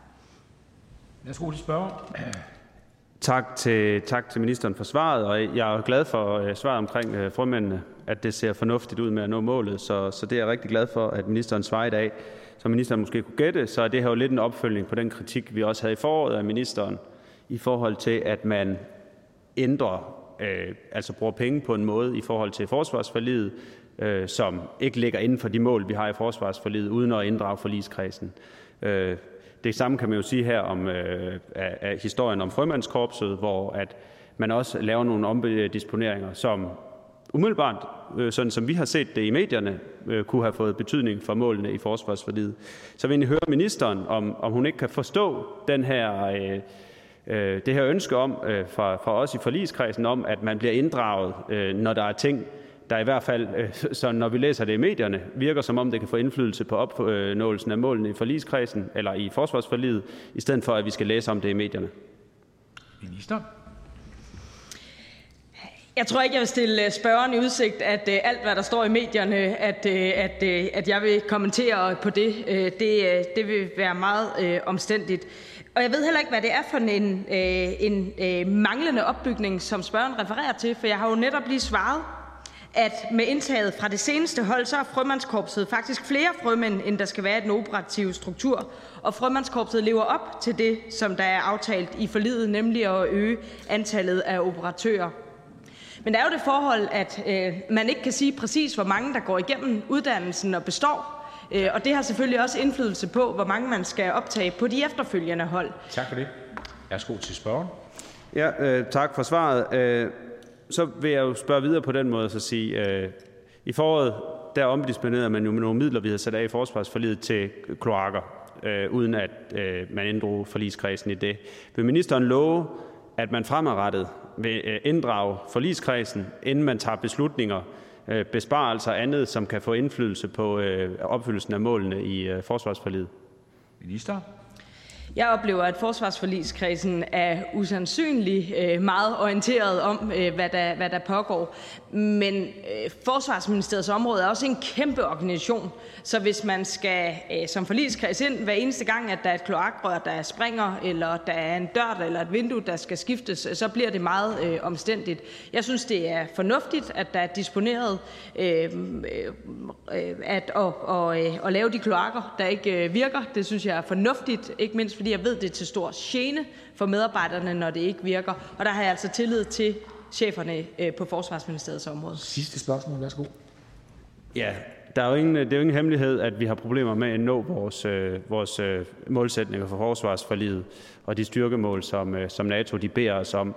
Øh, synes ministeren ikke, hvis for eksempel der er et efterslæb for, for boliger, at det var, eller på, på renovering af kloakker, at det var bedre, at vi satte os ned og fik en snak om, hvordan vi kunne finde nogle penge til det, end at vi tager øh, penge væk fra de kapaciteter, som øh, NATO de beder os om at leve op til? Minister? Jeg tror, man må sige, at det er et meget optimistisk forlig, der blev indgået øh, sidste gang, og det ved ordføreren, øh, eller spørgeren jo også øh, udmærket godt, at øh, bare det at kunne få leveret øh, øh, en, en del af det materiel, øh, som det er planlagt, der skal indkøbes, det er problematisk, fordi det ikke er hyldevarer, som man bare kan købe. Der er en produktionslinje, som man skal ind i. Så jeg tror, man må sige, at det var et meget meget ambitiøst øh, forlig, der blev indgået sidste gang. Det må være sådan i en stor organisation, at når der er kloakker, øh, der akut øh, går i stykker, at så kan man, øh, så kan man reparere dem. Tak for det. Spørgsmålet er slut, og tak til hr. Christoffer Aagaard Melson. Vi fortsætter med spørgsmål til forsvarsministeren, men nu er det hr. Mark Rosman, Venstre. Værsgo for oplæsning af spørgsmålet. Tak. En rundspørg, som DR har foretaget, viser, at 75 procent af landets kommuner oplever, at antallet af cyberangreb er taget til de seneste fem år. Odense Kommune har været på forkant med dette problem og indførte tilbage i 2018 et større initiativ for cyberangreb. Finder ministeren anledning til at lade sig inspirere denne Odense cybermodel og udbrede denne? Minister, værsgo. Tak for spørgsmålet. Det er et meget relevant øh, emne at rejse her i salen, og det vil jeg gerne takke øh, spørgeren for. For cybertruslen er alvorlig, og danske myndigheder, virksomheder og borgere de angribes hver dag. Det ved jeg også, at spørgeren er meget opmærksom på. Og derfor er det vigtigt med opmærksomhed blandt alle myndigheder og borgere. Det er de enkelte myndigheder, der har ansvaret for cybersikkerhed, og derfor er der jo i høj grad grund til at rose Odense Kommune for den forebyggende indsats mod cybertruslen. Det er meget positivt, at Odense Kommune som myndighed yder en dedikeret indsats for at styrke cybersikkerheden, og det er et eksempel, som alle danske myndigheder og kommuner med fordel kan lade sig inspirere af. Tak for det. Spørgen. Jeg forstår, at forsvarsminister anerkender, at cyberangreb blandt andet kommuner er et stigende problem, og det er jeg glad for. Personligt vil jeg gå så langt som at påstå, at cyberangreb i dag nok har overhalet krudt og kugler med længder. Anerkender ministeren ligeledes, at cyberangreb fremover kan blive sværere at håndtere? Værsgo til ministeren. Der er slet ikke nogen tvivl om, at cyberangreb de er her. Øh, det er ikke noget, der sker i fremtiden. Cyberangreb er en realitet, og som jeg sagde før, så øh, angribes Danmark, borgere, myndigheder, virksomheder dagligt eller forsøgs angrebet. Så der er i den grad grund til at være opmærksom på den her problemstilling. Det er også baggrunden for den store cyberaftale, som blev indgået øh, lige før sommer, som jo styrker området markant. Øhm, men det her det er jo ikke noget, som, som staten eller Forsvarsministeriet Center for Cybersikkerhed kan løfte alene. Det kræver, at kommunerne øh, melder sig på banen, at virksomheder også tager ansvar for, for deres egen cybersikkerhed. Og i det, øh, i det lys er der i den grad grund til at løse, øh, rose initiativet fra Odense Kommune. Jeg er også stor tilhænger af, at man som politiker øh, er på forkant med sikkerhed, så at man ikke først reagerer, når overskrifterne bliver bragt. Min holdning er nemlig det også over, at øh, ansvaret også skal flyttes ud, blandt andet til kommunerne, og jeg mener også, at de har en forpligtelse til at råbe op, når de har en god løsning. Derfor mener jeg, at man skal opfordre til, at vi kortlægger de gode eksempler. Lad os få dem frem i lyset, så andre kommuner og interesseorganisationer kan blive inspireret. Kunne ministeren overveje at skabe rum, hvor i kommunerne og organisationerne kan vidensdele erfaringer i forhold til cyberangreb, og har ministeren allerede gjort sig nogle overvejelser om det? Minister. Jamen, der er faktisk nedsat en række øh, forskellige grupper, øh, og, som samarbejder på tværs af myndigheder. Der er også nedsat øh, grupper, hvor det er virksomheder, øh, som der, der øh, laver øh, råd og vejledninger øh, og, og finder best, best practice. Øh, så jeg synes bestemt, at, at det er vigtigt at holde fast i det spor øh, og, og inddrage de allerbedste eksempler fra kommunerne. Og så må jeg sige, at i sidste ende handler det også om prioritering. Det handler om, at der er visionære kommunalpolitikere, øh, visionære virksomhedsledere, som der sætter det på dagsordenen, fordi det handler også om prioritering, også af økonomiske midler. Spørgen? Tilbage i 2018 tog jeg jo nemlig initiativ til et forslag i Odense Byråd, som netop skulle skærpe forebyggelsen af cyberangreb i Odense Kommune. Jeg er dog bevidst om, at problematikken om cyberangreb øh, i forhold til kommuner breder sig over flere ministerier. Jeg har dog brug for lige at høre forsvarsministeren, om hun vil gøre sit til at løfte ansvaret, sådan at vi kan få de gode eksempler ud til andre kommuner? Minister. Øh, jeg, jeg mener faktisk, at øh, spørgeren skal roses øh, for at have taget det initiativ. Det er rigtig vigtigt, at der kommunalpolitisk er fokus på det her område, og den bliver løftet i de respektive byråd landet over. Det, som Center for Cybersikkerhed, som jo er den ansvarlige myndighed, de blandt andet laver, det er ud over at monitorere de angreb, der måtte være, Øh, så også at lave vejledninger. Øh, og det tror jeg er meget nyttigt øh, mm. for kommunerne, at der bliver udarbejdet best practice, gode råd, som, som kommunerne kan læne sig op af. Tak for det. Tak for det. Spørgsmålet er besvaret. Tak til forsvarsministeren og til hr. Mark Grossmann fra Venstre. Det næste spørgsmål er til udlændinge- og integrationsministeren, stillet af fru Pia Kærsgaard fra Dansk Folkeparti. Og værsgo og læs spørgsmålet op. Tak for det. Øhm, ja. Lige ned.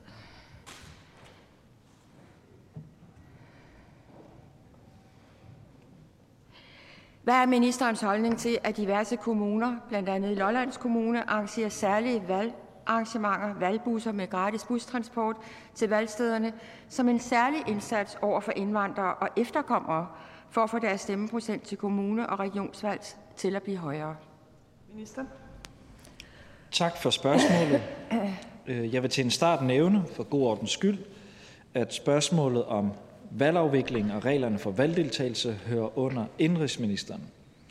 Men grundlæggende anser jeg høj valgdeltagelse som en sundhedsindikator for et stærkt demokrati, og her skal vi generelt være stolte i Danmark af en høj valgdeltagelse. Og jeg håber også, at alle vil bruge deres demokratiske ret og pligt til at stemme den 16. november til kommune- og regionsrådsvalget. Spørgsmålet her i dag indeholder i virkeligheden et mere principielt spørgsmål. Bør det overhovedet være nødvendigt at have målrettede indsatser for at hæve valgdeltagelsen alene for indvandrere og efterkommere? Og her er mit svar i hvert fald nej. Det bør ikke være nødvendigt at tolke vælgermøder eller lave særlige foranstaltninger til borgere, der for manges vedkommende har boet i Danmark i årtier.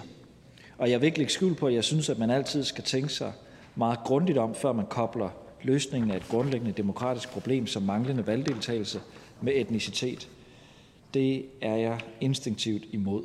Jeg så helst, at alle i Danmark lever op til deres borgerlige pligt, springer ud som overbeviste demokrater og øh, kaster sig over stemmeurnerne.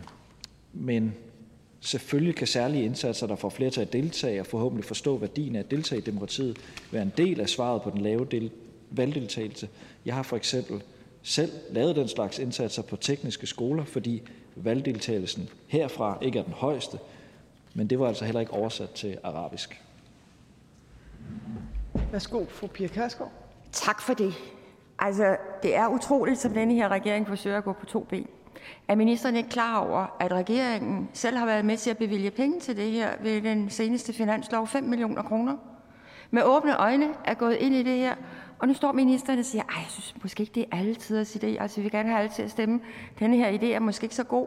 Men ministeren har selv været med til at bevilge penge til det.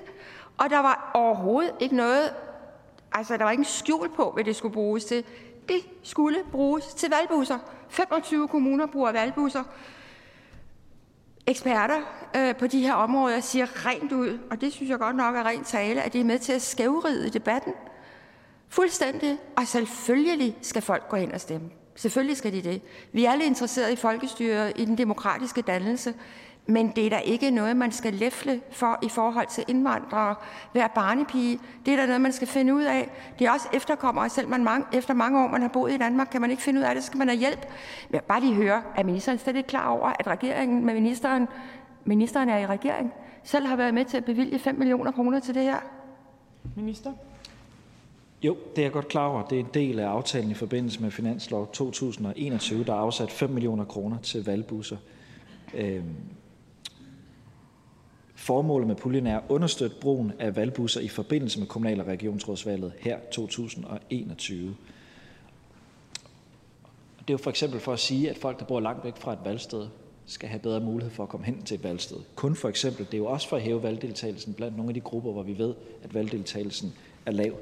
Det er også derfor, jeg siger i min tale, jeg synes, det er ærgerligt, at vi er et sted, hvor der er nogen, der mener, at det er nødvendigt at benytte sig af den her øh, slags tiltag, henvendt over for folk, som er dårligt integreret i det Ja, tak. danske samfund. Jamen, altså, jeg skal bare vide, at det er noget, som øh, regeringen vil trække tilbage.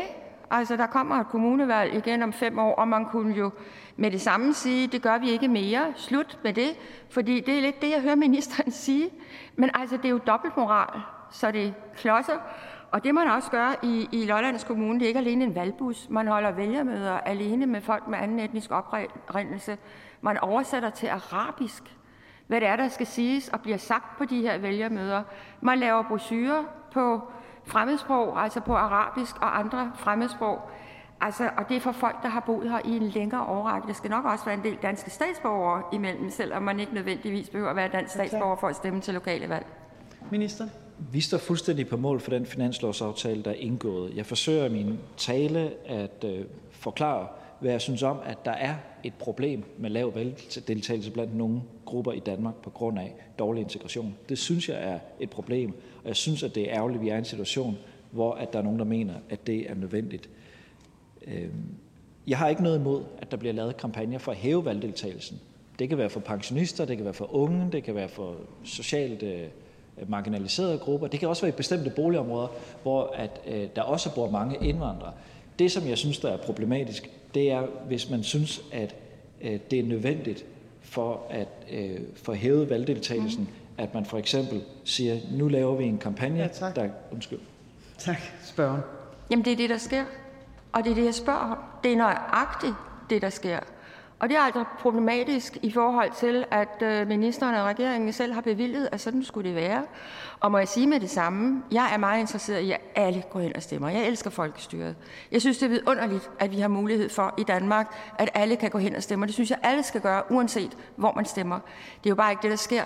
Desværre er der jo masser af efterkommere, der har boet her. Faktisk er det stedet. Den lave valgdeltagelse er stedet i forhold til efterkommere. Det synes jeg er uhyre problematisk. Men det der med at køre rundt i en valgbus med at gøre alt på et fremmedsprog, det er jo helt, helt hen i vejret, og det bliver jeg nødt til at spørge ministeren om endnu en gang. Er det noget, man vil trække tilbage? Er det noget, man vil gentage? Er man, og må jeg godt sige, med hensyn til folkepensionister, eller folk, der er dårligt Så er gående, det- så har det altid været sådan i Danmark, at dem hjælper man. Det er en helt anden Så er det problematik. ministeren til svar. Altså, det, det er klart, hvis øh, spørgeren ønsker en nærmere redegørelse for lige præcis den pulje, der blev afsat i forbindelse med Finanslov 21, så må jeg henvise til Indrigsministeriet, som kan komme lidt mere ned i detaljerne af det. Jeg prøver at fortælle generelt, hvad jeg synes, nemlig at jeg synes ikke, at det skal være sådan, at det er nødvendigt at oversætte noget som helst for mennesker, der for mange vedkommende har været i landet i årtier. Øh, og jeg anerkender, at det kan være en opgave for en kommune at hæve valgdeltagelsen. Det synes jeg er alt ære værd. Det er bare meget vigtigt, at det ikke gøres for at påvirke valgresultatet, andet end den ene procent, der handler om valgdeltagelse. Tak for det. Tak til fru Pia Kærsgaard. Og tak til udlænding- og integrationsministeren, men vi øh, fortsætter med selv samme person nu i egenskab af beskæftigelsesminister. Og det er hr. Bent Bøsted fra Dansk Folkeparti, der skal stille det næste spørgsmål. Og værsgo at læse det op. Tak for det, formand. Ja, jeg vil spørge, har ministeren en holdning til, om der er nok kontrol i danske lufthavne til at afdække social bedrageri med danske sociale ydelser ved udlandsophold, eksempelvis i mellemløstlige lande? Tak for spørgsmålet. Jeg vil godt starte med at slå fast, at det er selvfølgelig helt og dels uacceptabelt, når nogen snyder med deres sociale ydelse, fordi det er underminerende for sammenhængskraften i vores samfund, og desværre så bekræfter resultaterne af lufthavnstilsynet, at der er behov for den her kontrol. Samtidig er det vigtigt at holde fast i, at det er kommunernes og det er A-kassernes opgave at føre kontrol med, at borgere står til rådighed for arbejdsmarkedet og overholder reglerne. Lufthavnstilsynet er en supplerende kontrol. Lufthavnstilsynet er bredt til stede i de danske lufthavne, og med sanktionsaftalen fra 2018 indførte vi skærpede sanktioner over for de borgere, som ikke overholder reglerne for at modtage sociale ydelser i forbindelse med udlandsophold. Man kan selvfølgelig altid diskutere, om der skal være flere kontrolaktioner i de danske lufthavne, og det er jo i sidste ende en politisk prioritering. Jeg synes, det er vigtigt at være opmærksom på, at lufthavnskontrollen også har en forebyggende effekt, som afskrækker borgere fra at rejse til udlandet med deres sociale ydelser. Den effekt forstærkes, når medierne for eksempel kommunikerer om resultaterne af lufthavnskontrollen, og det kan måske i virkeligheden have en større virkning, end man kan opnå ved at forøge antallet af gennemførte kontrolaktioner. Regeringen har i forslaget til finansloven for 2022, den som skal forhandles her op mod jul, netop lagt op til at videreføre den forhøjede bevilling til Lufthavnstilsynet, som vi blev enige om i 2018. Med den der forventer vi at kunne gennemføre 52 kontroller årligt, altså hvis ellers vores finanslovsforslag på det område kommer igennem. Og øh, de her 52 kontroller vurderes at være et rimeligt omfang, når man tænker på, at det er en supplerende kontrol, og at der er indført skærpede sanktioner for borgere, der ikke respekterer reglerne for udlandsophold. Spørger? Ja, tak for det. Nu er den her kontrol, lufthavnskontrol, det var jo noget, øh, vi i Dansk Folkeparti øh, fik gennemført i sin tid, da den startede, og den er også blevet udvidet, efterfølgende. Og det har jo vist sig, at der er rigtig mange øh, der egentlig tager afsted uden at oplyse til jobcenter, til A-kasserne, at de tager på ferie, selvom de ikke, når, de, når de ikke må. Der er også mange, der har taget på ferie længere tid, end man reelt normalt holder ferie. Og det er jo især til mellemøstlige øh, lande. Og det er jo, det er jo så øh, ikke så godt igen, fordi det, så svindler man jo med skatteborgernes øh, penge, øh, som man får udbetalt enten i kontanthjælp eller dagpenge eller anden ydelse, eller hvad man øh, får. Og i øh, den forbindelse, øh, så, så må så, så bare sige, at den kontrol, der har været i lufthavnen, den har selvfølgelig været bremset af øh, coronasmitten. Det er vi jo fuld forståelse for, det er vi godt klar over. Men nu er så blevet lukket op i, i igen, og vi kan se på de tal, de aktuelle tal, at uh, tredje kvartal, der var 228, der blev indberettet, og i fjerde kvartal. Det er jo kun til den 25. oktober, der er 97, og det er et tegn på, at det er stigende. Øh, men selvfølgelig har vi noget problem, fordi af de papirer, der fremgår, er det jo også, at det kun er i Københavns Lufthavn indtil videre på grund af corona. Man kunne ikke holde afstand og, og den slags i de andre øh, lufthavne. Øh, men, øh, men forventer ministeren, at det så kun er i Københavns lufthavn, man kører resten af året. Nu begynder man så med coronapas igen og den slags. Øh, jeg tror, jeg, jeg tror ikke, der kommer restriktioner på øh, flyrejser, men øh, forventer ministeren så, at øh, det kun er i København, eller vil ministeren også øh, mene, at det, det bliver udvidet til Bilund og Aalborg Lufthavn, den kontrol, der, der sker her, eller hvordan ser det ud? Minister? Lufthavnskontrollen vil snarest muligt blive udvidet til mindre lufthavne i Danmark. Øh, og jeg vil da godt sige, at selvom Socialdemokratiet og Dansk Folkeparti ikke er enige om alt, så var det en god idé, Dansk Folkeparti fik i 2018. Det er en god aftale. Det er også en del af aftalen, at hvis man øh, har været væk i mere end 14 dage og fået altså, og hævet sociale ydelser, og hvis tilbagebetalingskravet er på minimum 30.000, så skal det politianmeldes. Og det er jo det tilbagebetalingskrav, der falder knap 10.000 over om et par år. Og det kommer nok også til at føre alt andet lige til flere politianmeldelser, og det synes jeg også er fornuftigt. Lufthavnskontrollen, som den er nu, åbnet her i sommer. Spørger?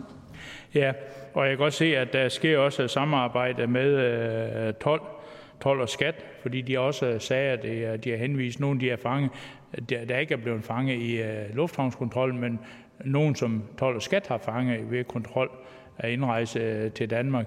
Der er jo også en del sager der, uh, og der skal jeg så lige uh, høre uh, i forbindelse med samarbejde med 12 og skat, kommer der til at ske en udvidelse af det samarbejde, så man ser mere på, hvad 12 og skat uh, fanger også, eller, for, eller hvordan ser det ud uh, der? Minister? Det tør jeg simpelthen ikke øh, svare på her, men det vil jeg godt love at vende tilbage med. Øh, fordi, som spørgeren også siger, så ved vi jo, at skattemyndighederne også er til stede, særligt i Københavns Lufthavn. Øh, og det er jo helt naturligt, at der er et myndighedssamarbejde. Men hvad svaret er på det konkrete spørgsmål, det må jeg lige love at vende tilbage på. Spørgen?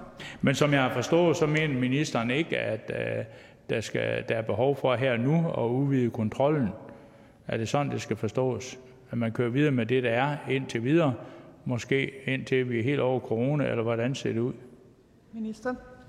Øh, ja, i vores finanslovsforslag, der foreslår vi, at den her forhøjede bevilling, som der er nu, at den videreføres. Så det kan man sige, det er jo det eksisterende niveau.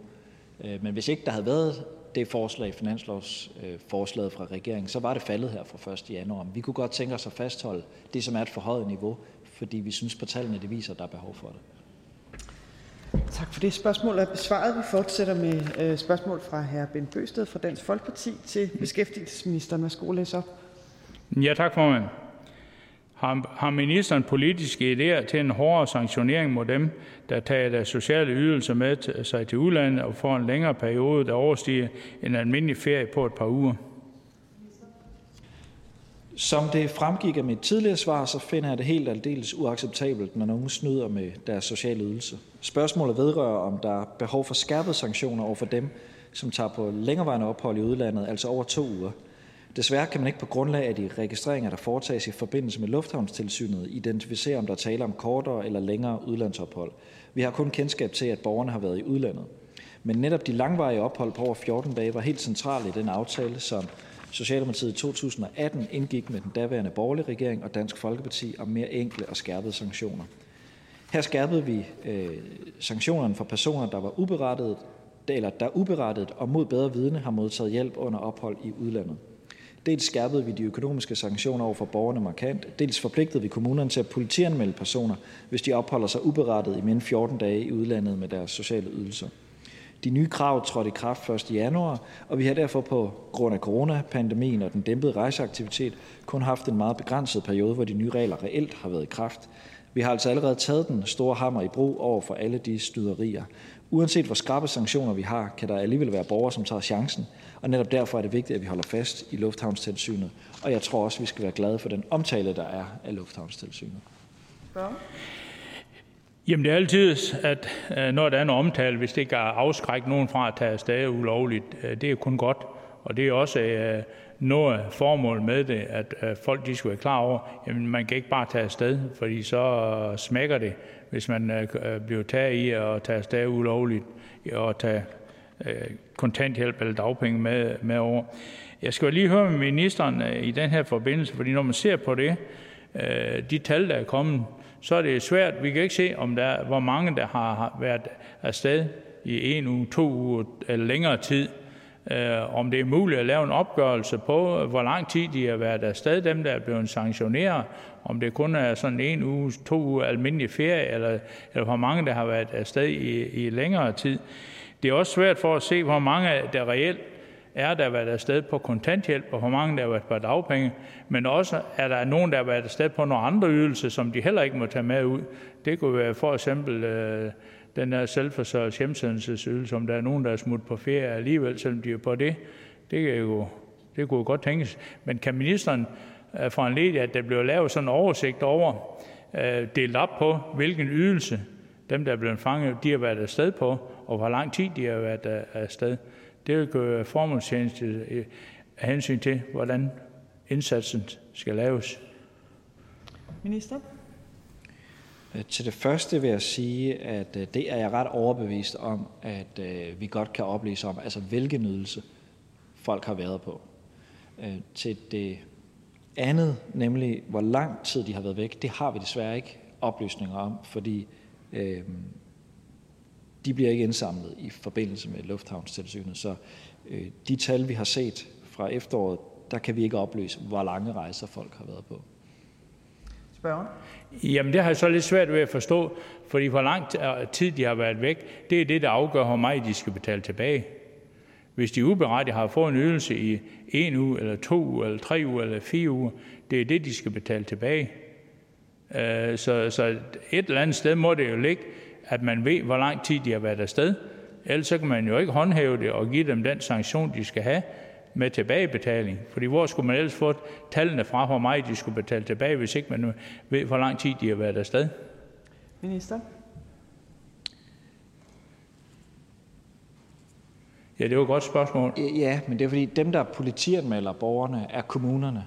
Og det betyder ikke nødvendigvis, at de oplysninger ligger øh, centralt. Men jeg vil, jeg vil godt undersøge, hvor langt ned i materien vi kan komme, for at kunne kvalificere en diskussion af, om tilsynet skal tilrettelægges på en anden måde. Det er sådan, jeg hører spørgeren i virkeligheden. Ja, okay, jeg forstår sådan, at ved lufthavnstilsynet, så siger de bare, øh, du har været uberettiget afsted, du bliver indberettet, og så er det kommunen, der afgør, hvad sanktionen øh, der er. Men øh, i den forbindelse, så må kommunen jo lægge ind med oplysninger om, hvor lang tid personen har været sted, og, og hvor meget man skal betale, betale tilbage. Så hvis det kunne fremskaffes, så ville det være formålstjenestligt. Ja, nu fik jeg sagt kommunen før. Jeg burde nok have sagt kommunen eller A-kassen. Øh, men det er rigtigt, at, at øh, det er ikke lufthavnstilsynet, der politianmelder folk og forfølger sagen og undersøger, om der er grundlag for, for at foretage en politianmeldelse. Det foretages af kommunerne og A-kassen. Det er deres opgave. Det øh, aftalen øh, omkring lufthavnstilsynet sikrer, er bare, at der er nogle myndigheder til stede i lufthavnen, der stikprøvevis udtager folk. Og dem, der er på selvforsørgelses- og hjemrejseydelse, de er omfattet af præcis det samme regime som andre i kontanthjælpssystemet. Øh, så i det omfang, de kan skilles ud, så synes jeg også, det er relevant. Tak for det. Spørgsmålet er besvaret. Tak til hr. Ben Bøsted. Øh, og vi fortsætter med øh, beskæftigelsesministeren, og det, denne her gang er det hr. Peter Velblund fra Enhedslisten, der læser spørgsmålet højt. Værsgo. Tak for det. Øh, spørgsmålet det er, vil ministeren kommentere artiklen, hvad anden forsøg på at ansætte en sygeplejerske mislykkes for DR.dk den 5. oktober 2021, der beskriver, at 3.450 stillinger i løbet af fem måneder ikke kunne besættes med en kvalificeret sygeplejerske, og vil ministeren herunder redegøre for, hvorvidt han anerkender, at udfordringerne med rekruttering og fastholdelse har sammenhæng med sygeplejerskernes løn og arbejdsvilkår? Ministeren.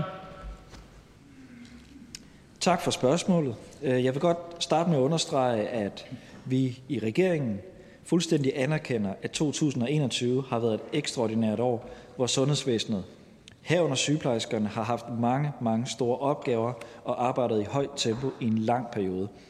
Sygeplejerskerne udfører, det ved vi alle, et stort og et vigtigt arbejde, og vi har brug for dem i det danske sundhedsvæsen, og vi har brug for flere på sygehusene.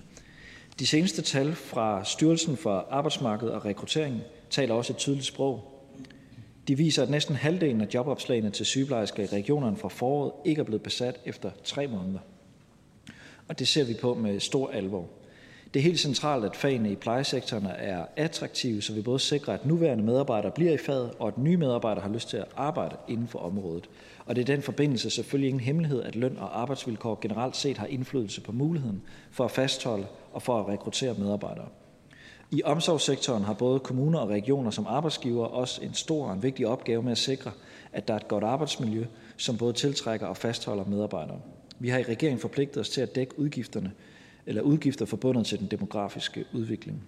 Regeringen har derudover indgået en aftale med Danske Regioner om at øge antallet af sygeplejersker på sygehusene med 1.000 ved udgangen af 2021.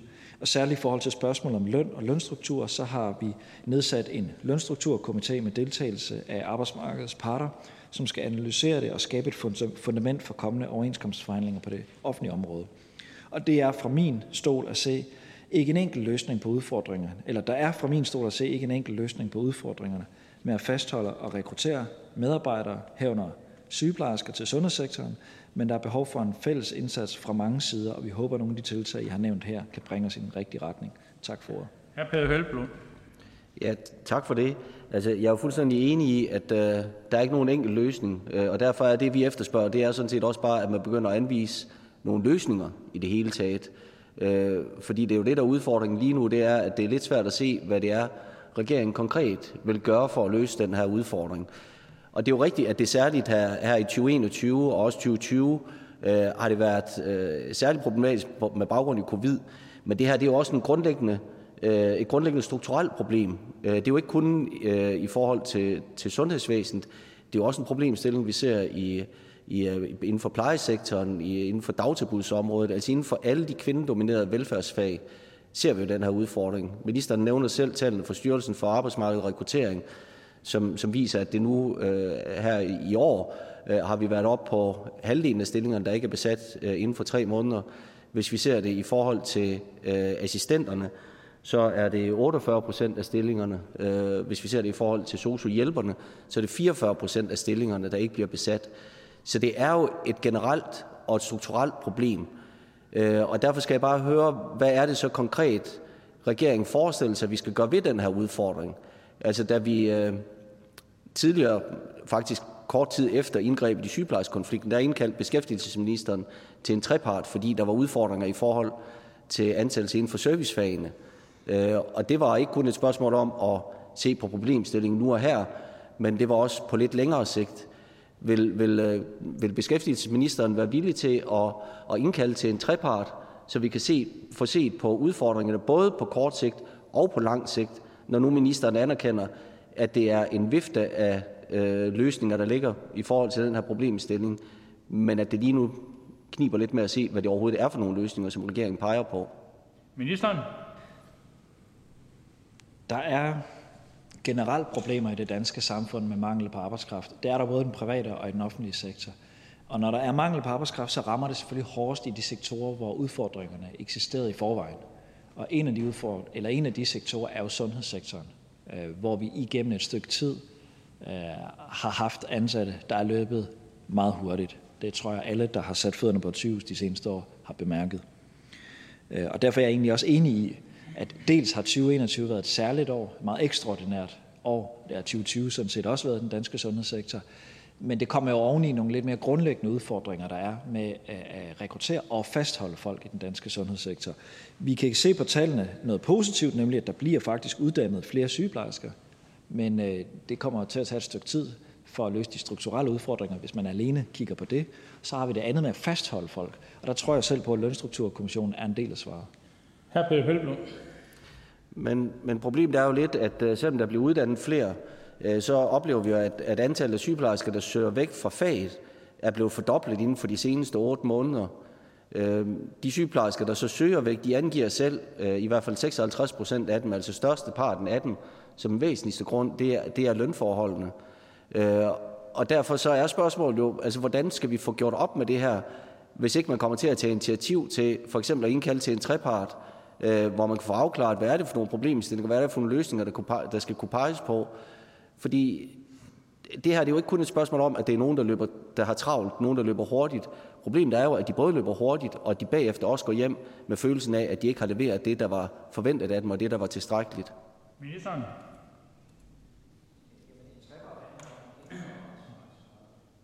En del, undskyld, øh, en trepart handler om at inddrage arbejdsmarkedsparter. En del af det øh, mailingsforslag, som blev stemt ned, var jo den her lønstrukturkommission, som nu er blevet nedsat øh, af regeringen med arbejdsmarkedsparter. Så jeg synes, det er en meget øh, konkret måde, hvor man har vist, at vi fra regeringens side er interesseret i at inddrage blandt andet Dansk Sygeplejeråd i øh, diskussionerne omkring løn.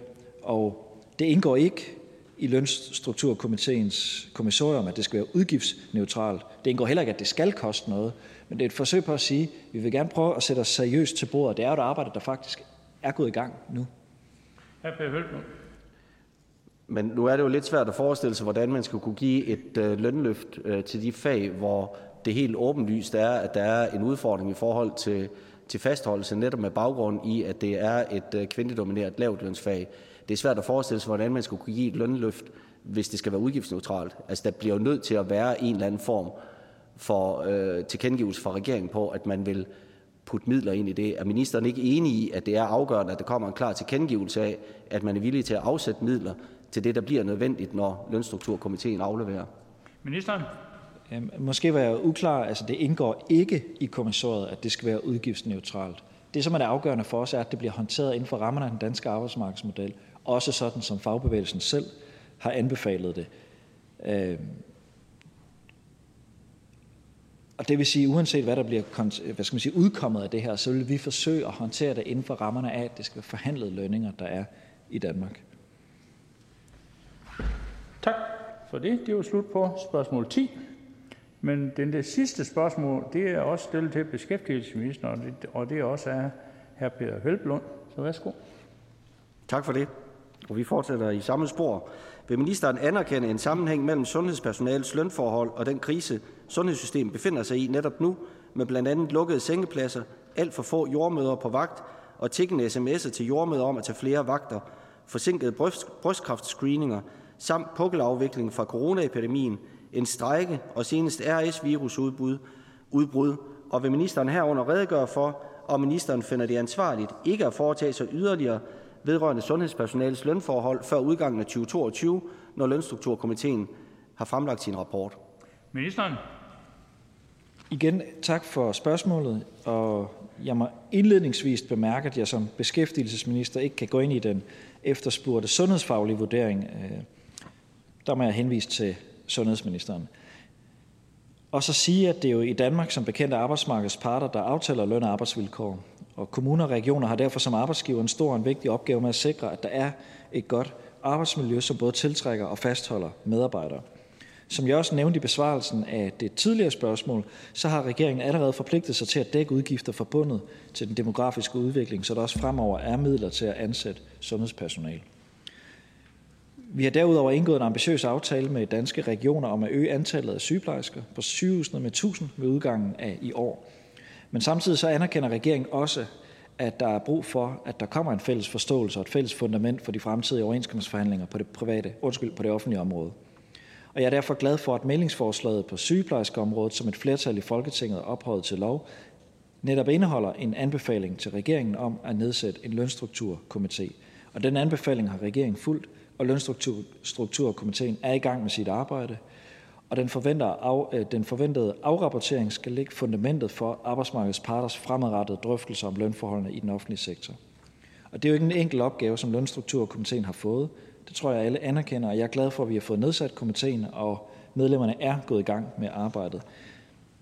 Og vi ser øh, meget seriøst på den arbejde, der nu går i gang, og regeringen vil følge op på den afrapportering, som Lønstrukturkomiteen kommer med. Tak for det. Jeg kan oplyse beskæftigelsesministeren om, at jeg i sidste uge havde sundhedsministeren øh, hernede i salen til nogenlunde enslydende spørgsmål, øh, og sundhedsministeren henviste naturligvis til beskæftigelsesministeren i forhold til at øh, få afdækket problemerne i forhold til lønstrukturkomiteen og lønforholdene. Men det, der bekymrer lidt, det er, at jeg tror simpelthen ikke, at hverken beskæftigelsesministeren eller regeringen er helt klart over, er helt klar over, hvor dybt det her, den her problemstilling stikker. Altså hvor stor betydning det får for hele vores velfærdssamfund, for vores sundhedsvæsen. Altså for mig at se, at det er jo en bombe under hele sundhedsvæsenet og velfærdssamfundet, at vi står med den udfordring, at vi ikke kan holde fast på det dygtige personale, som vi uddanner, fordi vi simpelthen ikke giver dem tilstrækkelig gode arbejdsvilkår og en tilstrækkelig løn, som gør, at de bliver værdsat for den indsats, de, de leverer. Og når jeg så hører, at svaret fra regeringen er, at ja, vi dækker demografien, ja, det mangler der bare. Det betyder, at vi sørger for, at der følger midler med til de opgaver, vi bestiller. Det er jo ikke et løft. Det er jo et spørgsmål om, at vi bliver ved med at beholde status quo. Men hvad er det så, der skal give det løft? Hvad er det, der skal give de ansatte den tillid til, at vi faktisk vil løse den problemstilling, vi har sat dem i? Er det, at vi nedsætter en lønstrukturkomité, og så siger vi, at de afleverer om 12-14 måneder, og vi vil så i øvrigt ikke love, at der følger penge med? Nej, nej, vi siger ikke, at det nødvendigvis skal være udgiftsneutralt, men vi garanterer heller ikke, at den problemstilling, der er, den vil vi løse. Er svaret, at de sygeplejersker, vi i dag, og jordmøder og sosuer, som vi i dag har brug for at gå på arbejde og tager en ekstra tørn, de skal tage en ekstra tørn, men vi vil ikke betale dem noget for det, eller vi vil ikke betale dem noget ekstra for det i hvert fald. Altså, hvad er det præcis, ministeren og regeringen forestiller sig, der skulle få de ansatte, som har leveret og som har knoklet igennem en coronaepidemi, til at tro på, at vi nu rent faktisk vil give dem mere end nogle appeller og nogle opfordringer og nogle honninghjerter, men at de faktisk reelt kan få en anerkendelse, og de kan få en anstændig løn for det ekstremt vigtige arbejde, de udfører. Ministeren? Man kan selvfølgelig godt sige, at det manglede der bare, at regeringen ønsker at afsætte flere penge, i og med at opgaverne stiger. Men sådan var det faktisk ikke for ganske få år siden. Der blev den offentlige sektor hvert eneste år udhulet af den økonomiske politik, der blev ført af den daværende regering. Nu har vi sammen med Enhedslisten og SF og Radikale og Alternativet ført en anden økonomisk politik øh, igennem et par år efterhånden, og det, det betyder, at der bliver brugt betragtelige mængder af ressourcer og ekstra økonomi til ikke kun sundhedsvæsenet, også andre dele af den offentlige sektor. Og det, det, det, det kan man godt sige, det manglede der bare, men det er en enorm økonomisk prioritering, som det er rigtigt ikke er ude at virke endnu i fuld flor. Det skal det selvfølgelig. Men jeg, jeg synes bare også, det er væsentligt at huske på, det er en enorm politisk prioritering fra den her sal, der faktisk betyder, at der bliver tilført ekstra økonomi. Så er det her Peter Velblom. Men jeg vil bare gerne sætte ambitionsniveauet højere end at levere bedre, end hvad tidligere borgerlige, borgerlige og faktisk også socialdemokratiske regeringer har leveret. Jeg har sådan set en ambition om, at vi som minimum skal kunne levere noget, der giver en konkret oplevelse ude i virkeligheden af, at det her det bliver bedre. Og der er det klart, der er bunden, det er, at vi, vi sikrer demografien. Men, men hvad er det, de skal bruge det til, dem der går derude på gulvet? Dem, som løber stærkt lige nu, og som har oplevelsen af, at de både har travlt, og at de går hjem fra arbejde med fornemmelsen af, at de heller ikke i dag slår til. Altså, hvad er det, vi skal give til dem? Hvad er det for et håb, vi skal give dem for, at jamen, det ser bedre ud til næste år og til næste år igen? Når det, vi, vi lover dem, det er, at det bliver bare ikke værre. Altså, hvad er det, regeringen vil møde op med? Hvad er ministeren? Altså, jeg tror til at starte med at sige, corona ramte det danske samfund ulige. Nogle er kommet forholdsvis let igennem de sidste par år. Nogle har betalt en enorm pris. Selvstændige, der er gået ned med deres livsværk. Folk, der har mistet deres arbejde i Københavns Lufthavn. Og folk i sundhedsvæsenet, som er gået ind og ud af corona-afsnit i et ekstremt højt tempo, og ikke vidste, om de skulle på arbejde i næste uge. Vi er fuldstændig med på, at sundhedspersonale, sygeplejerskerne og andre tilhører nogle af de grupper, der i den grad har betalt en høj pris for de sidste par år. Det, at der bliver tilført ekstra ressourcer, det, at der bliver ansat ekstra sygeplejersker, det er selvfølgelig kun en del af løsningen. Lønstrukturkommissionen er en del af løsningen, og det, at vi kommer igennem pandemien på en måde, hvor vi ikke har sådan et pres på vores sundhedsvæsen, som vi har nu, er også en del af løsningen. Så det er Peter Velblom. Men det er jo rigtigt, at de har leveret en kæmpe stor indsats. De gjorde det faktisk også i stor udstrækning uden værnemidler, hvor vi sendte dem afsted på arbejde over for en ukendt sygdom, øh, uden at vi kunne garantere deres, deres, øh, deres sikkerhed. Men det ændrer jo ikke på, at den situation, de står i nu, efter at have været igennem alt det her, der det, de oplever, det er, at de har fået nogle honninghjerter, de har fået nogle appeller til, at nu må man lige tage en ekstra tørn igen. Men på den anden vej, der kommer der ingenting. Der kommer ikke nogen løfter om, at det her det betyder, at der bliver bedre arbejdsvilkår, at der bliver bedre lønforhold. Det de selv angiver er grunden til, at de flygter væk fra faget, det fag, som de har uddannet sig til, og som de holder af, og som de har en stor veneration for, det flygter de fra, fordi vi ikke tilbyder dem ordentlige forhold. Hvad er det, regeringen der kan tilbyde i forhold til, at der rent faktisk bliver leveret, både nu og i forhold til en lønstrukturkomité? Ja, ministeren. Det, det synes jeg egentlig, at jeg svarede på før. Det, det, det er ikke bare honninghjerter at pumpe millioner og atter millioner ud i det danske sundhedsvæsen. Det, det er altså ikke bare honninghjerter. Jeg er med på, det er jeg fuldstændig med på, at der er en enorm frustration, og jeg vil også sige berettet frustration. Øh, ikke kun blandt sygeplejersker, der har været på de afsnit, der øh, har håndteret coronapatienter, men også meget bredere i det danske sundhedsvæsen. Min mor er social- og sundhedsassistent. Jeg er gift med en sygeplejerske. Tro mig, hver evig eneste dag hører jeg beretninger om, hvordan det danske sundhedsvæsen er skruet sammen. Vi er fuldstændig med på udfordringerne. Vi siger bare, at når man kigger ned i dansk økonomi, så er det faktisk et af de områder, som vi har besluttet de seneste år at tilføre ekstra midler. Det er ikke kommet ud af rulle nu, det anerkender vi fuldstændig, og det har været i et par år med nogle ekstraordinære udfordringer, men vi synes faktisk, der er truffet nogle beslutninger, som alt andet lige kommer til at bringe os et, et, et godt sted hen. Bedre tak. end nu i hvert fald. Så fik ministeren lige lidt ekstra tid til at gøre svar færdig. Det er jo også slut på spørgsmål 11, og hermed er spørgetiden afsluttet. Vi siger tak til beskæftigelsesministeren og tak til hr. Peter Velblund. Der er ikke mere at foretage i dette møde. Folketingets næste møde afholdes i morgen torsdag den 11. oktober 2021 kl. 10.00. Og jeg henviser til den dagsorden, der vil fremgå af Folketingets hjemmeside. Mødet er hævet.